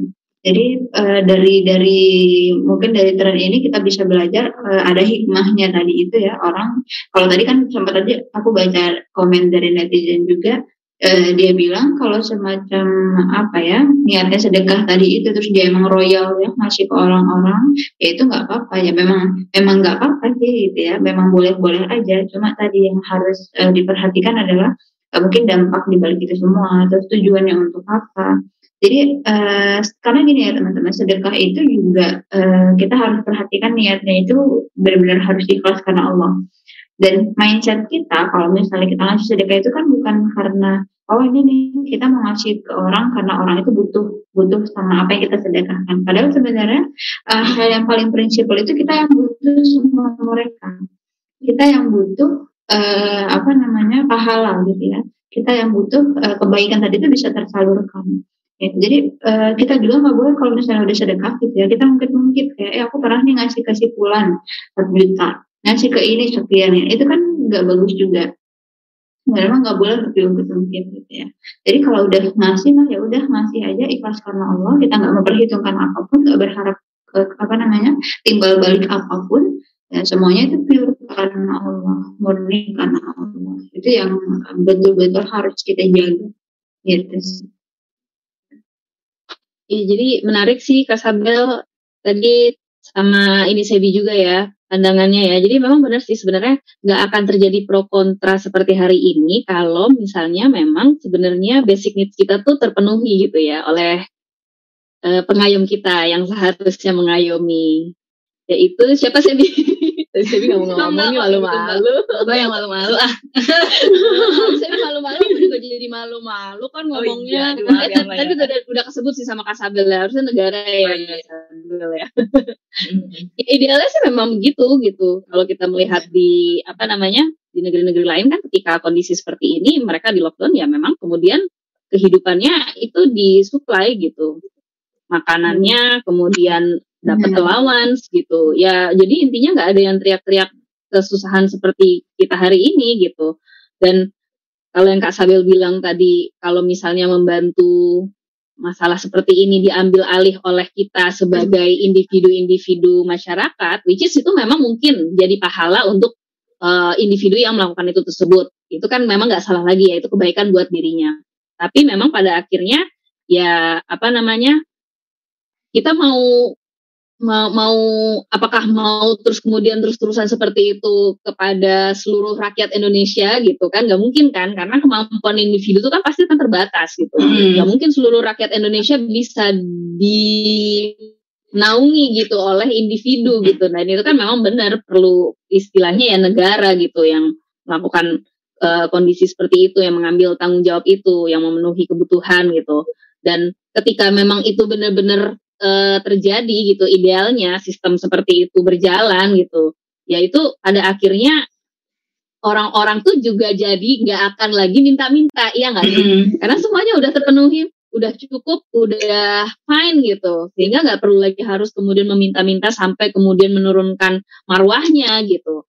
Nggak perlu lagi. Jadi orang yang kemudian membuat giveaway challenge seperti ini atau kemudian memberikan uh, apa namanya bagi-bagi share sharing-sharing atau bagi-bagi malah ikoi-ikoi kayak gini ya itu memang mereka karena memang ingin bersedekah untuk kemudian memaju ke apa namanya untuk mencari pahala which is di sisi lain orang-orang itu kemudian nggak akan kemudian sampai meminta-minta yang sampai maksa-maksa atau nodong-nodong gitu. Karena apa ya? Karena semua kebutuhan udah tercukupi gitu. Iya, terus juga kan kalau minta-minta juga kan itu juga menyangkut mental juga ya Mbak ya. Kalau misalnya kita udah dibiasakan misalnya mentalnya minta-minta gitu kan, apa ya, e, mendapatkan sesuatu dengan mudah misalnya, itu akan jadi kita ya udah deh mending nanti besok minta-minta lagi aja kayak gitu kan nggak Iya. nggak jarang kan di apa ya di sekitar kita banyak lah kasus itu kan yang suka minta-minta di sana misalnya kan ada. Padahal dia tuh orang kaya loh gitu. Tapi dia tetap minta-minta kayak gitu. Kan banyak yang kayak gitu kan. Akhirnya karena dia ngerasa minta-minta itu misalnya eh, orang-orang di jalanan tuh yang suka minta-minta yang dia tuh sebenarnya berpura-pura kayak gitu. Itu kan ada juga yang berpura-pura eh, pengennya minta-minta. Itu kan emang gampang gitu secara cuma-cuma. Orang misalnya lihat eh, dia tuh kasihan gitu ngasih seribu tapi kan seribu dari beberapa ratusan orang misalnya yang lewat akhirnya jadi banyak kayak gitu soalnya aku kayak pernah dengar gitu loh kalau ada orang yang minta-minta tapi dia tuh sebenarnya eh, tidak tidak harus dikasihani gitu tidak harus dibantu gitu. tapi karena memang dia sudah nyaman gitu loh sama pekerjaannya akhirnya dia nerusin atau misalnya kasus-kasus yang banyak berpura-pura minta-minta itu eh, pura-pura tangannya buntung lah atau misalnya eh bawa anak orang kan ada aja gitu ya kok bisa gitu. Iya, itu katanya- dulu, Gimana Dan? Iya di rumahku dulu ada uh, salah satu pengemis yang yang si pengemis ini tuh kalau lagi minta-minta itu dia gagu gitu ngomongnya ya kayak nggak nggak bisa kayak e a e gitu doang kan sambil Iya. ngotak uh, alat musiknya a, e gitu terus uh, aku ke warnet. Ketemu sama dia lagi main game dan ngomong secara santai biasa aja. Ya Semua perkataan itu kebun binatang semua keluar. Allahu Akbar ternyata. soal mentalitas kan ya? Iya ya ampun. Ih parah banget kan. Dan itu ya faktanya emang banyak ya gitu. Banyak. Kalau kita sebut-sebut mau ya. Mm-mm. itu aja yang nyata di depan mata kita eh, udah banyak diberantas kan ya yang namanya gelandangan seperti itu. Dan itu aja yang dari dulu loh dari dulu yang belum tertangani gitu kan. Sama ya yang sekarang ini kayak gitu. Terus sekarang menjamur lagi ditambah eh, dengan adanya lockdown ppkm dan segalanya kayak gitu. Tapi sekarang mungkin lebih modern kali ya atau lebih keren lewat online kayak gitu. padahal sebenarnya sama sih. Iya. Padahal kan sebenarnya eh, seseorang itu kan tidak akan dideba, tidak akan dibebani sesuai dengan kemampuannya pasti kan. Kalau misalnya kita percaya kita mampu bisa gitu kan tanpa minta-minta apalagi merendahkan diri kita di hadapan orang sebenarnya kita bisa melewati masalah yang kita punya kayak gitu. Cuman balik lagi ke mental tadi, ke keimanan tadi, dia punya gak iman yang eh, yang bisa nyadarin dia bahwasanya ya badai juga masih berlalu misalnya seperti itu atau ya semuanya pasti ada jalan kayak gitu ya tadilah seperti itu Kalau aku tuh ngeliat jadi ini ya, kayak em, apa namanya? Pernah dengar gitu. Kalau di mana ya? Di, di Turki atau di mana aku dan aku lupa ya. Ini aku baca atau lihat di mana. Jadi kalau kita bertamu ke rumah orang gitu ya, itu disediain dua minuman. Ada teh dan ada air putih. Nah, kalau tamunya ini memilih salah satunya nih, misalnya dia pilih dan aku lupa nih, ini tolong kalau misalnya ada yang tahu fakta ini, tolong diluruskan karena aku eh, lupa-lupa ingat. Tapi aku ingat intinya adalah ketika si yang punya rumah ini kemudian menyediakan dua minuman itu, terus kemudian si tamu itu mengambil salah satunya, itu tandanya adalah dia sudah kenyang. Maka si tamu, eh, si tuan rumah nggak perlu lagi memberikan makanan gitu. Tapi kalau misalnya dia mengambil yang satunya lagi, itu tandanya dia masih apa kelaparan, dia belum makan. Makanya kemudian si apa sih yang punya rumah ini akan menyediakan makanan gitu. Jadi di sini sebenarnya kayak apa ya orang yang mau memberi dia juga kemudian eh, menyakiti atau tidak membuat malu si harga diri yang eh, bertamu itu. Jadi yang bertamu ini dia misalnya memang lagi kelaparan, nggak mau secara langsung bahwa eh gue lapar banget ini perjalanan dari dari rumah gue ke rumah lo jauh banget, gue belum makan bla bla bla kan nggak kemudian yang memelas-melas seperti itu gitu. Tapi cukup dengan seperti itu aja dan kemudian langsung eh, kebutuhan terpenuhi gitu kan. Jadi kalau memang dia lapar ya udah disediakan lah makanan gitu. Jadi kayak cara-cara seperti itu kan apa namanya adab ya. Adab yang indah sih kalau menurutku. Jadi kayak kita sama-sama menghormati sama-sama kemudian um, tidak apa kita kita berbuat baik kepada orang tanpa harus mempermalukan dia dan orang yang kemudian memang butuh itu kemudian tidak merasa dipermalukan. Sama kayak kalau misalnya kita bagi-bagi apa namanya bagi-bagi ya lagi bagi-bagi ini ya kebutuhan pokok atau apa pun gitu ya kepada orang-orang di jalan yang membutuhkan itu kan kadang-kadang um, apa namanya di foto gitu ya di foto which is mungkin fotonya itu buat dokumentasi. Tapi ada yang kemudian juga sampai diupload di sosial media atau di mana dan tersebar dan akhirnya orang yang kemudian uh, diberi itu justru merasa malu gitu. Pernah kan ada kasusnya yang um, orang itu ketika dia dibagi terus dia marah gitu ketika di foto ketika dia dapat bantuan itu dia marah ketika difoto gitu atau justru malah dia ngomong apa gitu ya. Dia ngomong ya sudahlah kalau mau foto-foto aja saya udah nggak punya harga diri lagi dulu hmm, saya iya. bisa makan nah kayak gitu-gitu kan. Iya. nah ini kan juga sebenarnya harusnya kita lihat gitu. Kita harus uh, belajar gitu ya jadi bagaimana ada pemberi ada peminta gitu. Sama-sama lah dua sisi ini gitu kita kudu belajar gitu. Iya iya, iya. memang kan ya kenapa kenapa? Ya. Enggak bahkan sampai ada yang uh, orang yang keheranan dia itu biasa dikasih kan orang yang keheranan keheranannya kayak gini mbak nggak difoto nih gitu. Oh, iya iya iya itu ya, ya, ya. kan biasanya difoto gitu. Oh iya iya, iya emang lihatnya sampai jadi kebiasaan juga itu ya. Nah, iya. Normalized gitu. Ya terus benar kata mbak Bene juga tuh tadi kita tuh harus uh, paham gitu loh uh, ilmu-ilmu misalnya kayak tadi kita tuh sebagai pemberi apa sih adabnya kayak gitu kan hmm. sebagai orang yang kasih apa juga adabnya. Karena kan kalau satu ya itu kalau misalnya kita mau memberi itu kita nggak boleh misalnya e, menyusahkan orang yang kita kasih gitu. Misalnya dengan cara e, ayo dan e, kumpul bagi-bagi sembako tapi kumpul di rumah siapa akhirnya pada besar-besaran gitu, ya. gitu pada uh, udah gitu kan dulu kan banyak ya dulu tuh yang kasusnya tuh uh, ada yang bagi-bagi bahan makanan pokok apa uang gitu. Tapi akhirnya pada ngantri banyak akhirnya pada banyak yang meninggal juga gitu. Ada ada juga yang keinjak-injak akhirnya meninggal atau kasusnya bantuan uh, langsung tunai ya BLT ya dulu ya kalau nggak salah tuh kan. Setiap berapa tahun ada kayak gitu. Nah itu kan orang-orang kan mau gitu kan dapat uang secara cuma-cuma. Tapi uh, akhirnya yang pertama yang dia tuh harusnya nggak menerima akhirnya dapat gitu kan. Hmm. karena dia tidak terdata dengan baik kayak gitu kan. Karena siap aja boleh datang kayak gitu. Terus yang kedua bisa menimbulkan tadi uh, adanya korban jiwa gitu. Ada yang meninggal yang datang kan pasti kebanyakan gitu kan. Maaf misalnya nggak punya itu kan. Misalnya orang-orang yang tua renta dia udah nggak punya siapa-siapa. Dia udah sendirian sebatang kara di rumah. Akhirnya dia uh, butuh lah yang namanya memang benar-benar butuh gitu kan yang datang ya orang-orang yang udah tua. Akhirnya mereka nggak kuat untuk beri lama nggak kuat untuk desek-desek akhirnya banyak yang meninggal kayak gitu. Ya tadi harusnya seorang pemberi juga dia tahu adabnya itu memberi kepada seseorang itu bagaimana gitu. Jangan main asal kasih gitu kan.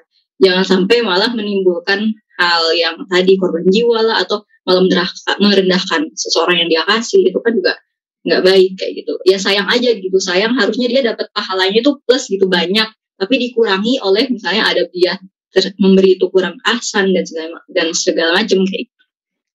sayang sih kayak gitu yes, yes. aku jadi aku ini mau nambahin hadis ya mbak jadi oh, yes. uh, tentang meminta-minta tadi itu hmm. nah, yang pertama dari hadis riwayat muslim ya Rasulullah pernah bilang barang siapa yang meminta-minta kepada orang lain dengan tujuan untuk memperbanyak kekayaannya hmm. uh, sesungguhnya dia telah meminta bara api gitu. Jadi uh, itu seperti apa ya ancaman ya ibaratnya gitu. Jadi kayak kasus tadi yang uh, Shebi pernah bilang dan memang itu uh, fakta ya ada orang-orang yang memang dia menjadikan aktivitas mengemis ya itu seperti mata mata pencaharian. Jadi rumahnya di kampung-kampung atau daerah-daerah itu rumah bertingkat misalnya begitu, tapi pekerjaannya ternyata mengemis-ngemis misalnya gitu. Nah itu itu yang Allah laknat gitu. Terus ada juga uh, tadi menyambung dari apa yang uh, cerita yang Dena sampaikan, memang Rasulullah juga mengingatkan jika salah seorang di antara kalian pergi pagi di pagi hari lalu mencari kayu bakar yang dipanggul atau dibawa di punggungnya, kemudian ia menjualnya, kemudian dia bersedekah dengan hasil tadi dan dia merasa dengan apa yang Allah berikan, ya maka itu lebih baik daripada ia meminta-minta kepada orang lain. gitu. Jadi uh, Rasulullah menekankan juga ya untuk kita lebih uh, betul-betul ber apa ya berdiri di atas kaki kita sendiri, di atas hasil dan upaya kita sendiri daripada harus minta-minta ke orang lain. Ada marwah yang ingin Rasulullah uh, bangun kepada kita, ada mental yang ingin Rasulullah ajarkan kepada kita supaya kita itu tidak menjadi orang yang ya udah pengen instannya aja, pengen enaknya aja gitu. Dan terakhir ada satu lagi ya hadis uh, Rasulullah juga mengingatkan seseorang yang dia itu meminta-minta gitu ya, uh, maksudnya meminta-minta dalam konotasi tadi ya tanpa ada kebutuhan yang mendesak atau darurat banget, sementara dia dalam apa keadaan mampu tadi itu, nah itu uh, di hari kiamat dikatakan dia akan menghadap Allah dalam keadaan wajahnya itu tidak ada sekerat daging sama sekali, atau dalam riwayat dikatakan wajahnya itu rasa, gitu, jadi nggak nggak berbentuk gitu karena saking ya Allah sudah cabut ya eh, rasa malunya gitu ibaratnya. Jadi ya sudah sudah nggak ada nggak ada wajahnya lagi ibaratnya gitu kira-kira. Jadi sampai seperti itu ternyata ya uh, apa namanya ancamannya atau balasannya di akhirat. Makanya benar-benar ya kita coba untuk bareng-bareng ya menjaga marwah kita gitu. Kalau misalnya meminta uh, apa ya, minta tolong ya atau meminta nasihat atau meminta dalam konotasi yang baik-baik dari itu ya itu silahkan gitu. Tapi kalau untuk hal materi atau sebatas tadi ya uh, kebutuhan yang sifatnya kesenangan aja keinginan gitu ya itu kita yang coba pikir-pikir lagi deh gitu. Gak segampang itu, gak sesederhana itu. Aku jadi ingat itu um, ada juga pernah influencer gitu ya yang uh, dia bikin kayak challenge berbagi gini. Cuman waktu itu dia bikinnya adalah um, kalian mau minta dikirimin apa atau dibagiin apa makanan apa kalau nggak salah gitu ya hmm. buat nyenengin orang tua artinya itu bukan buat dirinya gitu loh jadi orang yang minta ini nanti peserta ini bukan untuk meminta kepada dirinya gitu tapi dia memang akan memberikan si hadiah tersebut kepada orang tuanya gitu. Nah, jadi itu kayak ya sekaligus membantu orang untuk melakukan birul walidain gitu dan kemudian ya itu tadi kan bukan bukan apa namanya si penerima ini bukan yang minta-minta gitu. Artinya ya jadi si influencer ini terus kemudian waktu itu kalau nggak salah um, ada yang oh ada yang mau minta dibeliin martabak gitu. Udah lama um, orang tua atau keluarga gitu pengen martabak apa gitu. Terus ya udah dikasih uangnya gitu. Jadi kalau menurutku sebenarnya mungkin kita bisa apa ya kalau misalnya misalnya challenge ini dibuat dengan cara yang kita minta tapi bukan buat diri kita sendiri gitu. Tapi misalnya kita punya teman nih, teman kita membutuhkan, teman kita nih kita tahu dia punya kesusahan. Nah, kita yang minta nih sama orang tersebut untuk bantuin teman kita gitu. Nah, mungkin itu akan lebih apa ya, menjaga muruah teman kita yang memang membutuhkan ini gitu. Jadi kita buat kita kita minta buat dikasih ke orang yang memang tepat membutuhkan. Seperti itu sih kalau aku mungkin idenya ya supaya iya, bisa kayak misalnya, lebih Mm-hmm. Kayak misalnya di kampusku tuh kalau misalnya ada misalnya ada keluarganya, keluarga si mahasiswa ada yang meninggal atau siapa gitu kan atau dia sedang sakit gitu kan. Nah, kita kan ada bantuan gitu kan. Kayak patungan gitu loh, ayo bantu si ini yuk kayak gitu kan pada ngejapri nih misalnya. Ayo kita bantu ini bareng-bareng itu kan juga minta-minta ya sebenarnya. Tapi kan mm-hmm. dia untuk uh, bantu orang lain yeah. dan itu yang yang apa? Yang tadi Mbak bilang, yang minta bantuannya itu bukan si si orang pelaku yang sedang kesusahan tapi dari temennya kayak gitu. Nah itu kan lebih bagus kayak gitu. Mungkin kayak gitu ya mbak yes, contoh yes. kasusnya. Iya betul betul betul. Jadi itu kita urunan gitu. buat teman kita gitu. Yes Nat gimana Nat? Kalau kayak gitu berarti kan aware sama kesusahannya orang lain. Kita kudu aware bang yes betul. Ketika ada di sekitar kita yang susah kita aware buat ayo kita kumpul yuk um, um, apa namanya ngumpulin itu tadi gitu apa namanya kebutuhan apa yang kira-kira teman kita saudara kita butuhin nah itu butuh banget ya banyak orang-orang yang seperti itu gitu kan malah jadi jangan disalah artikan meminta-minta itu tadi ya sama rata Ya, Tadi ada yang nanya kan juga kan. Yang harusnya ditolong itu kan orang terdekat kita dulu ya gitu. Iya sih benar. Bukan orang-orang yang jauh gitu kan bahkan uh, kalau seorang suami kan kalau punya nafkah gitu kan ya istrinya dulu gitu kan untuk keluarganya gitu kan baru buat orang lain gitu kayak gitu Jadi emang kita tuh harus tolong orang terdekat kita gitu. Karena kan kalau eh, misalnya kalau misalnya yang terdekat kita sudah kita tolong, kalau kita punya kesusahan, ya teman terdekat kita tuh atau orang sekitar kita yang terdekat akan menolong kita. Ya meskipun memang orang yang jauh juga kita dapat doanya gitu. Tapi itu kan lebih juga menjaga silaturahmi gitu. Kan kalau misalnya kita menolong orang terdekat, lalu orang terdekat kita nggak kita kasih tolong, bisa jadi orang terdekat kita akan ngerasa kok dia misalnya di sosmed bagi-bagi ke orang banyak ya, tapi saya tetangganya kok nggak kebagian. Gitu. Hmm. Itu kan bisa jadi timbul kayak rasa eh, ketidakenakan oleh tetangga atau silaturahminya juga jadi putus kayak gitu. Iya iya iya iya benar benar benar benar.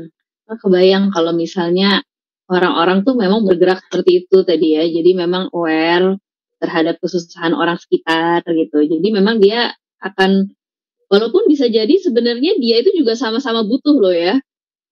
Ya, kan? tapi dia kemudian lebih meng, apa namanya mendahulukan orang lain karena dia menganggap bahwa orang lain ini lebih butuh gitu untuk ditolong dan kemudian dia membuat penggalangan dana atau kemudian ya itu tadi melalui challenge-challenge berbagi itu nanti uh, giveaway-nya atau apanya itu buat dikasih ke orang tersebut gitu.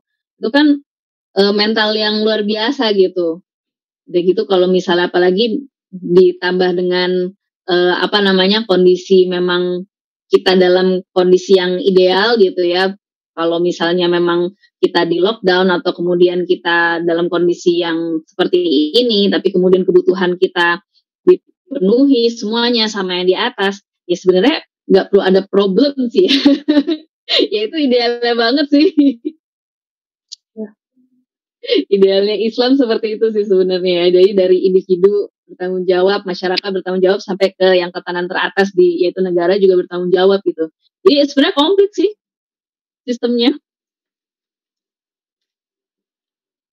Masing-masing mempertanggungjawabkan ininya masing-masing ya. Iya, jadi Tanggung jawab sebagai individu iya, tanggung jawab sebagai pemimpin juga iya gitu kan.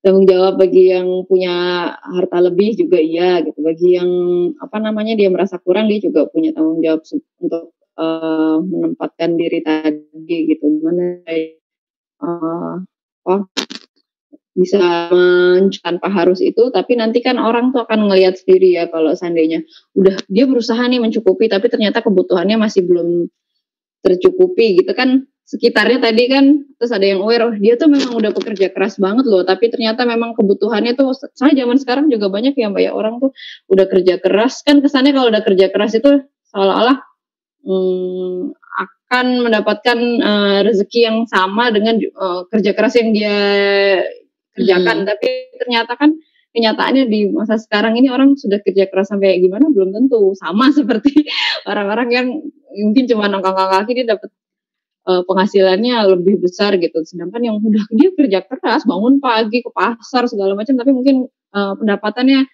segitu gitu kan. Makanya sekitarnya juga kudu aware itu tadi gitu kan. Tapi tetap balik lagi ke tanggung jawab tanggung jawab ini kenapa kok gitu sih ngomongnya? Tanggung jawab Malu-malu. malu gitu. prioritas orang yang harus kita bantu ya Hmm. adalah orang yang berjalan di atas agama Allah tapi dia meng- menghindari dari meminta-minta sampai orang lain itu nggak nyangka kalau dia itu nggak punya gitu. sampai Hmm, orang lain itu nah, menganggap iya. bahwasanya dia kaya dan itu yang harus kita bantu tuh orang yang sangat menjaga dirinya banget dan dia berjihad berjalan di jalan Allah gitu Iya yeah, benar-benar banget. Itu ada ya Kak Sabel ya, kisah sahabat yang seperti itu ya? Hmm. Siapa Kak Sabel? Ya, tapi aku agak mikir. iya iya, aku pernah dengar.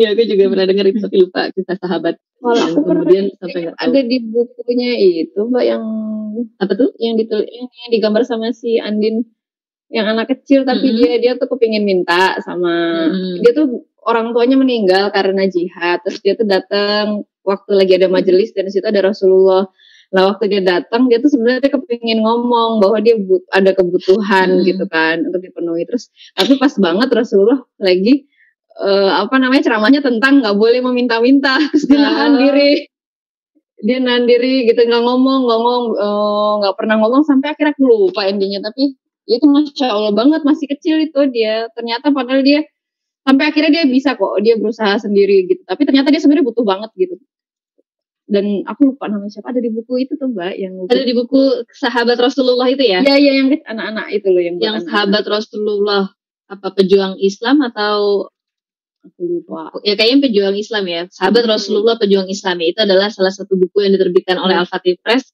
buat teman-teman yang jadi jualan kan yang pengen baca eh, buat adik-adiknya ya itu buku anak-anak itu eh, apa Dena juga jualan kan buku itu Buku apa? Oh, itu. Dena Rasulullah pernah itu. deh Ya, udah sold out, guys. Di lapak out ya? aja. aku berarti.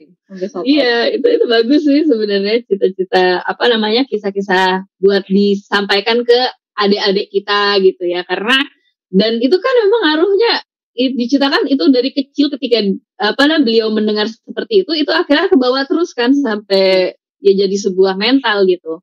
Masya Allah luar biasa banget gitu. Aku inget banget tuh zaman dulu kan aku men-challenge diriku. Aku kan bikin target. Pokoknya eh, sebelum lulus kuliah tuh udah harus financial independent.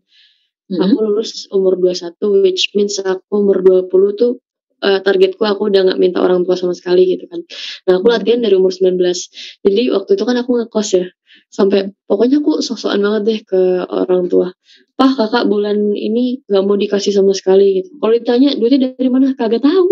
pokoknya latihan aja gitu kan mikirnya. Nah, eh, di situ sempat mengalami yang kesusahan yang bayar kos tuh udah harus mikir banget sampai mungkin setiap minggu tuh adalah balik bolak balik bolak balik pasar. Ini itu cari kerudung untuk dijual cari gamis untuk dijual gitu. Saat itu. Dan aku pernah tiba di titik di mana aku nggak bisa pulang ke rumah karena waktu itu kan naik KRL ya kereta kom- komuter lain. Pas tapping flashnya Hmm. itu kurang seribu duitnya. Ya Allah seribu dong. Dan aku nggak punya duit sama sekali. Ya Allah. nggak tahu harus gimana. Tambahin seribu deh. itu mungkin di situ aku bisa banget untuk minta ke papaku pam. Minta tolong transfer dua puluh ribu atau sepuluh ribu lima belas ribu. Cuman apa ya kan lagi gimana ya lagi belajar untuk gimana caranya gue konsisten nih gue bisa nih harus berjuang gitu. Akhirnya di situ aku coba mikir gue punya apa di rumah ya? Aku jual jadi aku jual online tuh di story. Aku jual online. Aku waktu itu punya aksesoris cincin gitu aku jual. Akhirnya aku nunggu berjam-jam sampai ada yang beli ada yang transfer baru pulang. Ya Allah luar biasa. Tapi memang rezekinya ya. Ada yang Iya. langsung saat itu laku tuh dua puluh ribu tuh Kasihan buat ketep itu ya. Iya. Jadi intinya sih Allah tuh pasti udah tet- apa tetapin sih untuk kita rezeki gitu. Gimana cara kita menjemputnya aja. Gitu. Itu seribu tuh receh loh kalau kita inget ya. Aku sampai ngorek-ngorek ngorek-ngorek dompet. 100 kurang lagi, 200 kurang lagi gitu. Jadi kayak apa ya? Di situ keras banget sih ketika kita bergantung kepada Allah tuh tawa eh, apa apa ya kadang kita merindukan momen-momen itu ya. Ketika kita Momen-momen benar-benar menggantungkan ya. semuanya sama Allah di saat kita udah nyaman gitu. Ya kan kadang kita nggak nggak mendapatkan peace of apa ya semangat itu gitu kan.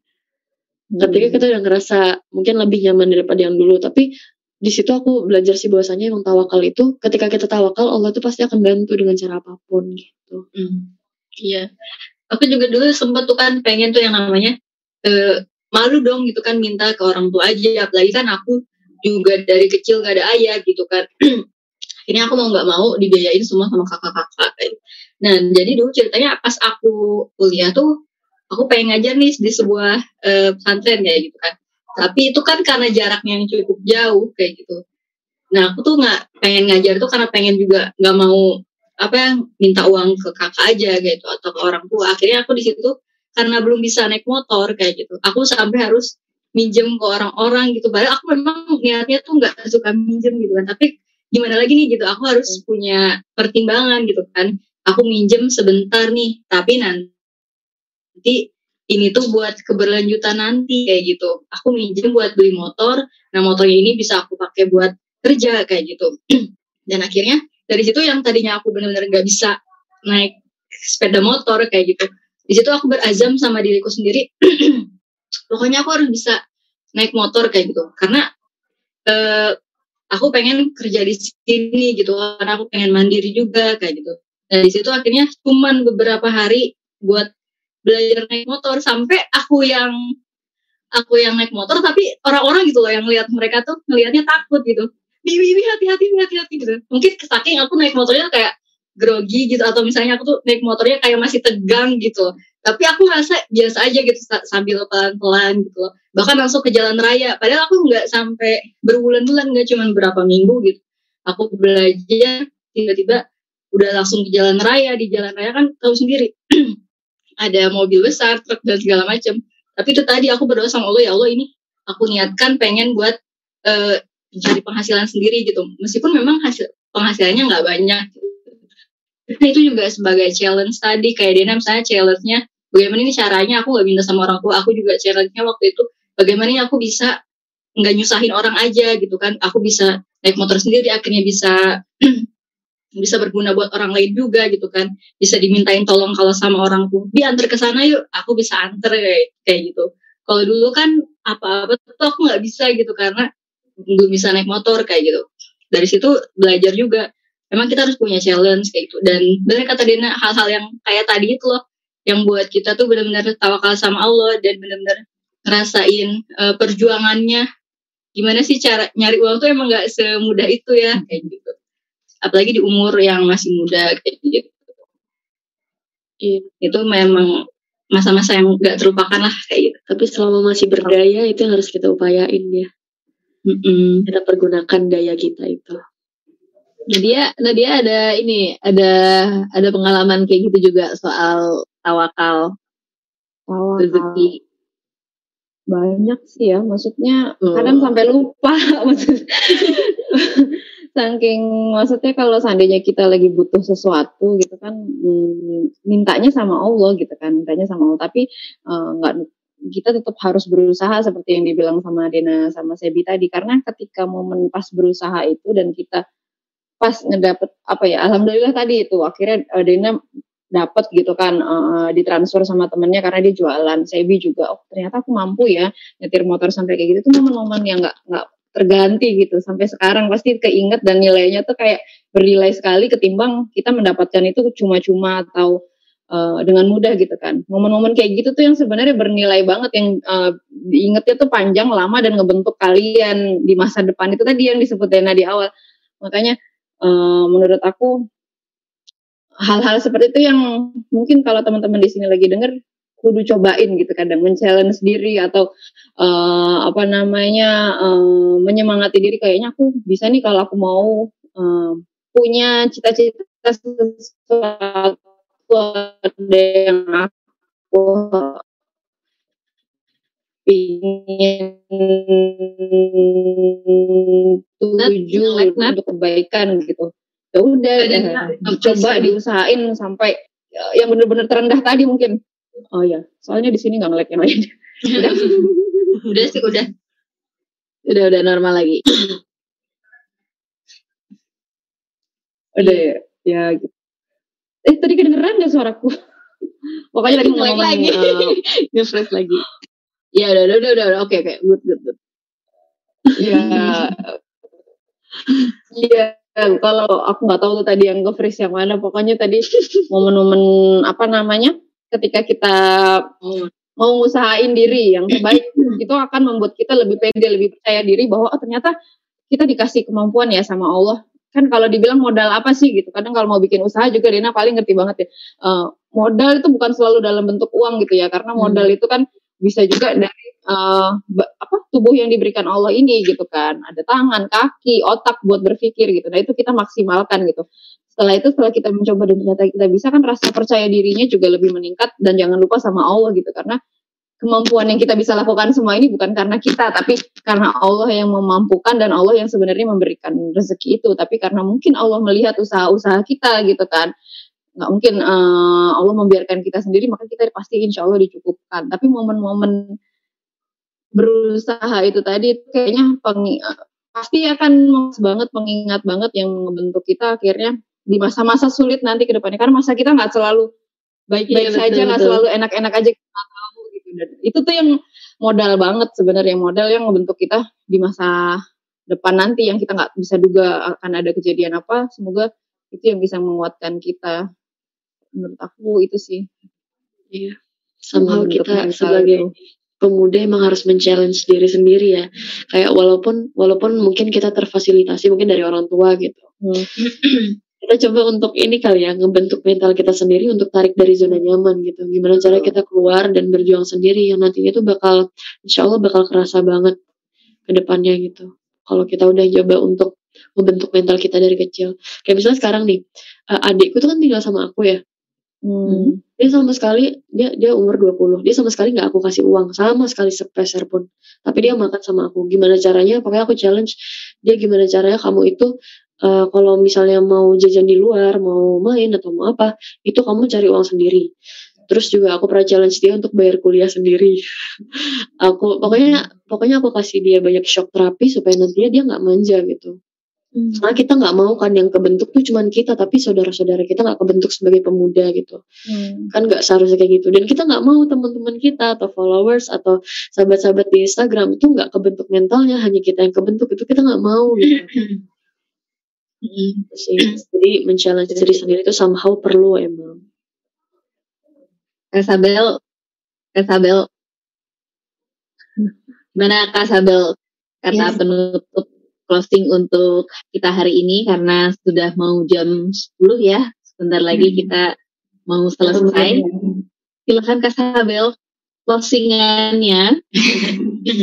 Ya, jadi Masya Allah tadi itu banyak banget sih ya eh, cerita-cerita yang eh, aku rasa bisa membentuk mindset yang baru di tengah-tengah teman semua. Hal yang paling penting adalah eh, tadi ya pesan-pesannya itu kita jangan sampai jadi muslim yang biasa-biasa aja. Maksudnya dalam artian yang bisa untuk dengan mudahnya ngikutin tren yang ada, terus bisa dengan mudahnya untuk ya apa ya eh, kayak bisa ngelakuin sesuatu tanpa berpikir. Nah intinya itu jangan sampai yang kayak gitu. Jadi terutama kayak menyikapi tren-tren seperti ini kita betul-betul apa ya sadar betul-betul hati-hati banget untuk melangkah dan kalau bicara soal topik eh, tren meminta-minta ini tadi pastinya kita akan sangat mengedepankan marwah kita. Karena Rasulullah aja segitu menjaganya. Gitu ya jangan sampai muslim itu betul-betul rendah harga dirinya. Karena ya muslim itu sebetulnya harga dirinya ini loh sudah sudah Allah eh, tinggikan gitu ya dalam derajat yang paling baik dalam posisi yang paling mulia ibaratnya gitu. Cuma kadang-kadang kitanya sendiri suka malah merendahkan diri sendiri terus malah merasa kayak eh, apa namanya ya udah kita itu biasa-biasa aja jadi kita lupa bahwasanya Allah sudah apa ya, menetapkan kita itu sebagai predikat umat terbaik kuntum khaira ummatin ukhrijat linnas ya jadi kamu adalah umat yang terbaik. Predikat umat terbaik itu kadang-kadang kita suka nggak ngeh. Akhirnya apa? Ya wajar gitu ya. Hari ini umat Islam itu eh, apa? Kalau kita bisa bilang eh, belum bisa seperti para pendahulunya. Kalau kita lihat di sejarah, ya, lihat track recordnya kaum muslimin itu kan masya Allah ya sejarahnya itu bisa mencatat eh, apa ya berbagai prestasi gemilang ibaratnya gitu. Tapi kalau sekarang ya intinya kita perlu refresh itu kembali. Kita adalah umat terbaik. Umat terbaik itu pantang untuk eh, mencederai harga dirinya. Itu sudah Allah eh, ya, muliakan, sudah Allah tinggikan. Dan terakhir memang ada ini ya satu hadis juga dari Rasulullah. Eh, Rasulullah mengatakan la tazalu ummati eh, fi khairin ma tabayyana. Jadi eh, umatku itu akan selalu baik ya selama dia itu apa ya menjadi berbeda berbeda dalam artian eh, dia tidak seperti eh, apa ya orang-orang kebanyakan ya artinya dia tetap eh, berpegang sama prinsipnya dia dia tetap eh, berusaha untuk ya udah eh, apa ya nggak merasa aneh gitu ya kalau misalnya dia tetap berpegang sama prinsip tadi itu kurang lebih begitu Mbak. Luar biasa banget tadi rangkuman dari Kak Sabel untuk tema kita malam ini ya. Jadi mudah-mudahan teman-teman dari hasil ngobrol-ngobrol kita hari ini, sharing-sharing hari ini, malam ini, teman-teman bisa mengambil yang baik-baiknya semuanya ya. Dan kalau ada yang buruk-buruknya dari kita, tolong ditinggalkan dan dimaafkan. Ya, jangan diikutin gitu. Oke guys semuanya, karena waktunya sudah menunjukkan pukul 10 di bagian Indonesia bagian Barat. Jadi kita sekarang perlu pamit, mau caw dulu ya. Tapi teman-teman eh, untuk Agustus ini, insya Allah kita akan ada agenda-agenda yang eh, apa namanya agenda-agenda yang buat member dari grupnya Telegram Soy. Teman-teman udah pada ini belum? Udah pada join belum? Jadi nanti akan ada beberapa acara-acara yang kita mau ini lagi ya, aktifin lagi ya. Kayak waktu Ramadan kemarin kan kami tuh ya di acara di acara grupnya yang kita ngezoom bareng, kita curhat bareng gitu. Nah nanti insya Allah akan ada. Jadi kalau teman-teman yang hari ini belum bergabung di grupnya Soit, nanti bergabung aja ya. Ada yang punya linknya nggak? Telegram link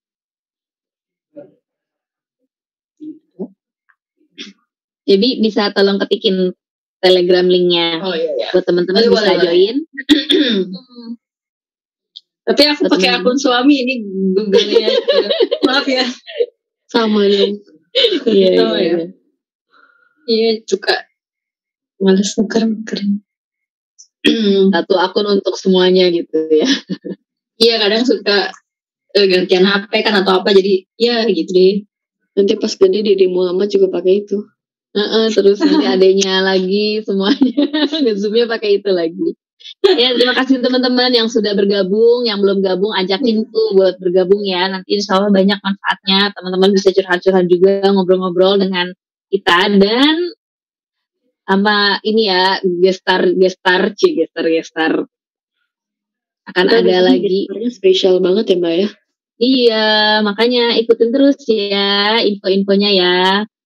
Yang udah gabung ayo ajakin teman-temannya yang lain ikut bergabung juga. Nih, nanti Kak Shebi akan ngetik di sini nih. Di live chat aku bingung gimana cara cari linknya ya. Oh di layar udah ada ya. Oke, terima kasih Yomin sudah ada di layar ya. Jadi Sudah ada silakan di silakan langsung bergabung saja itu linknya. Thank you ya Yomin ya. Lah kalau gitu semuanya kita capcus dulu ya malam ini. Selamat istirahat semuanya. Sampai bertemu lagi. Dadah. Yuk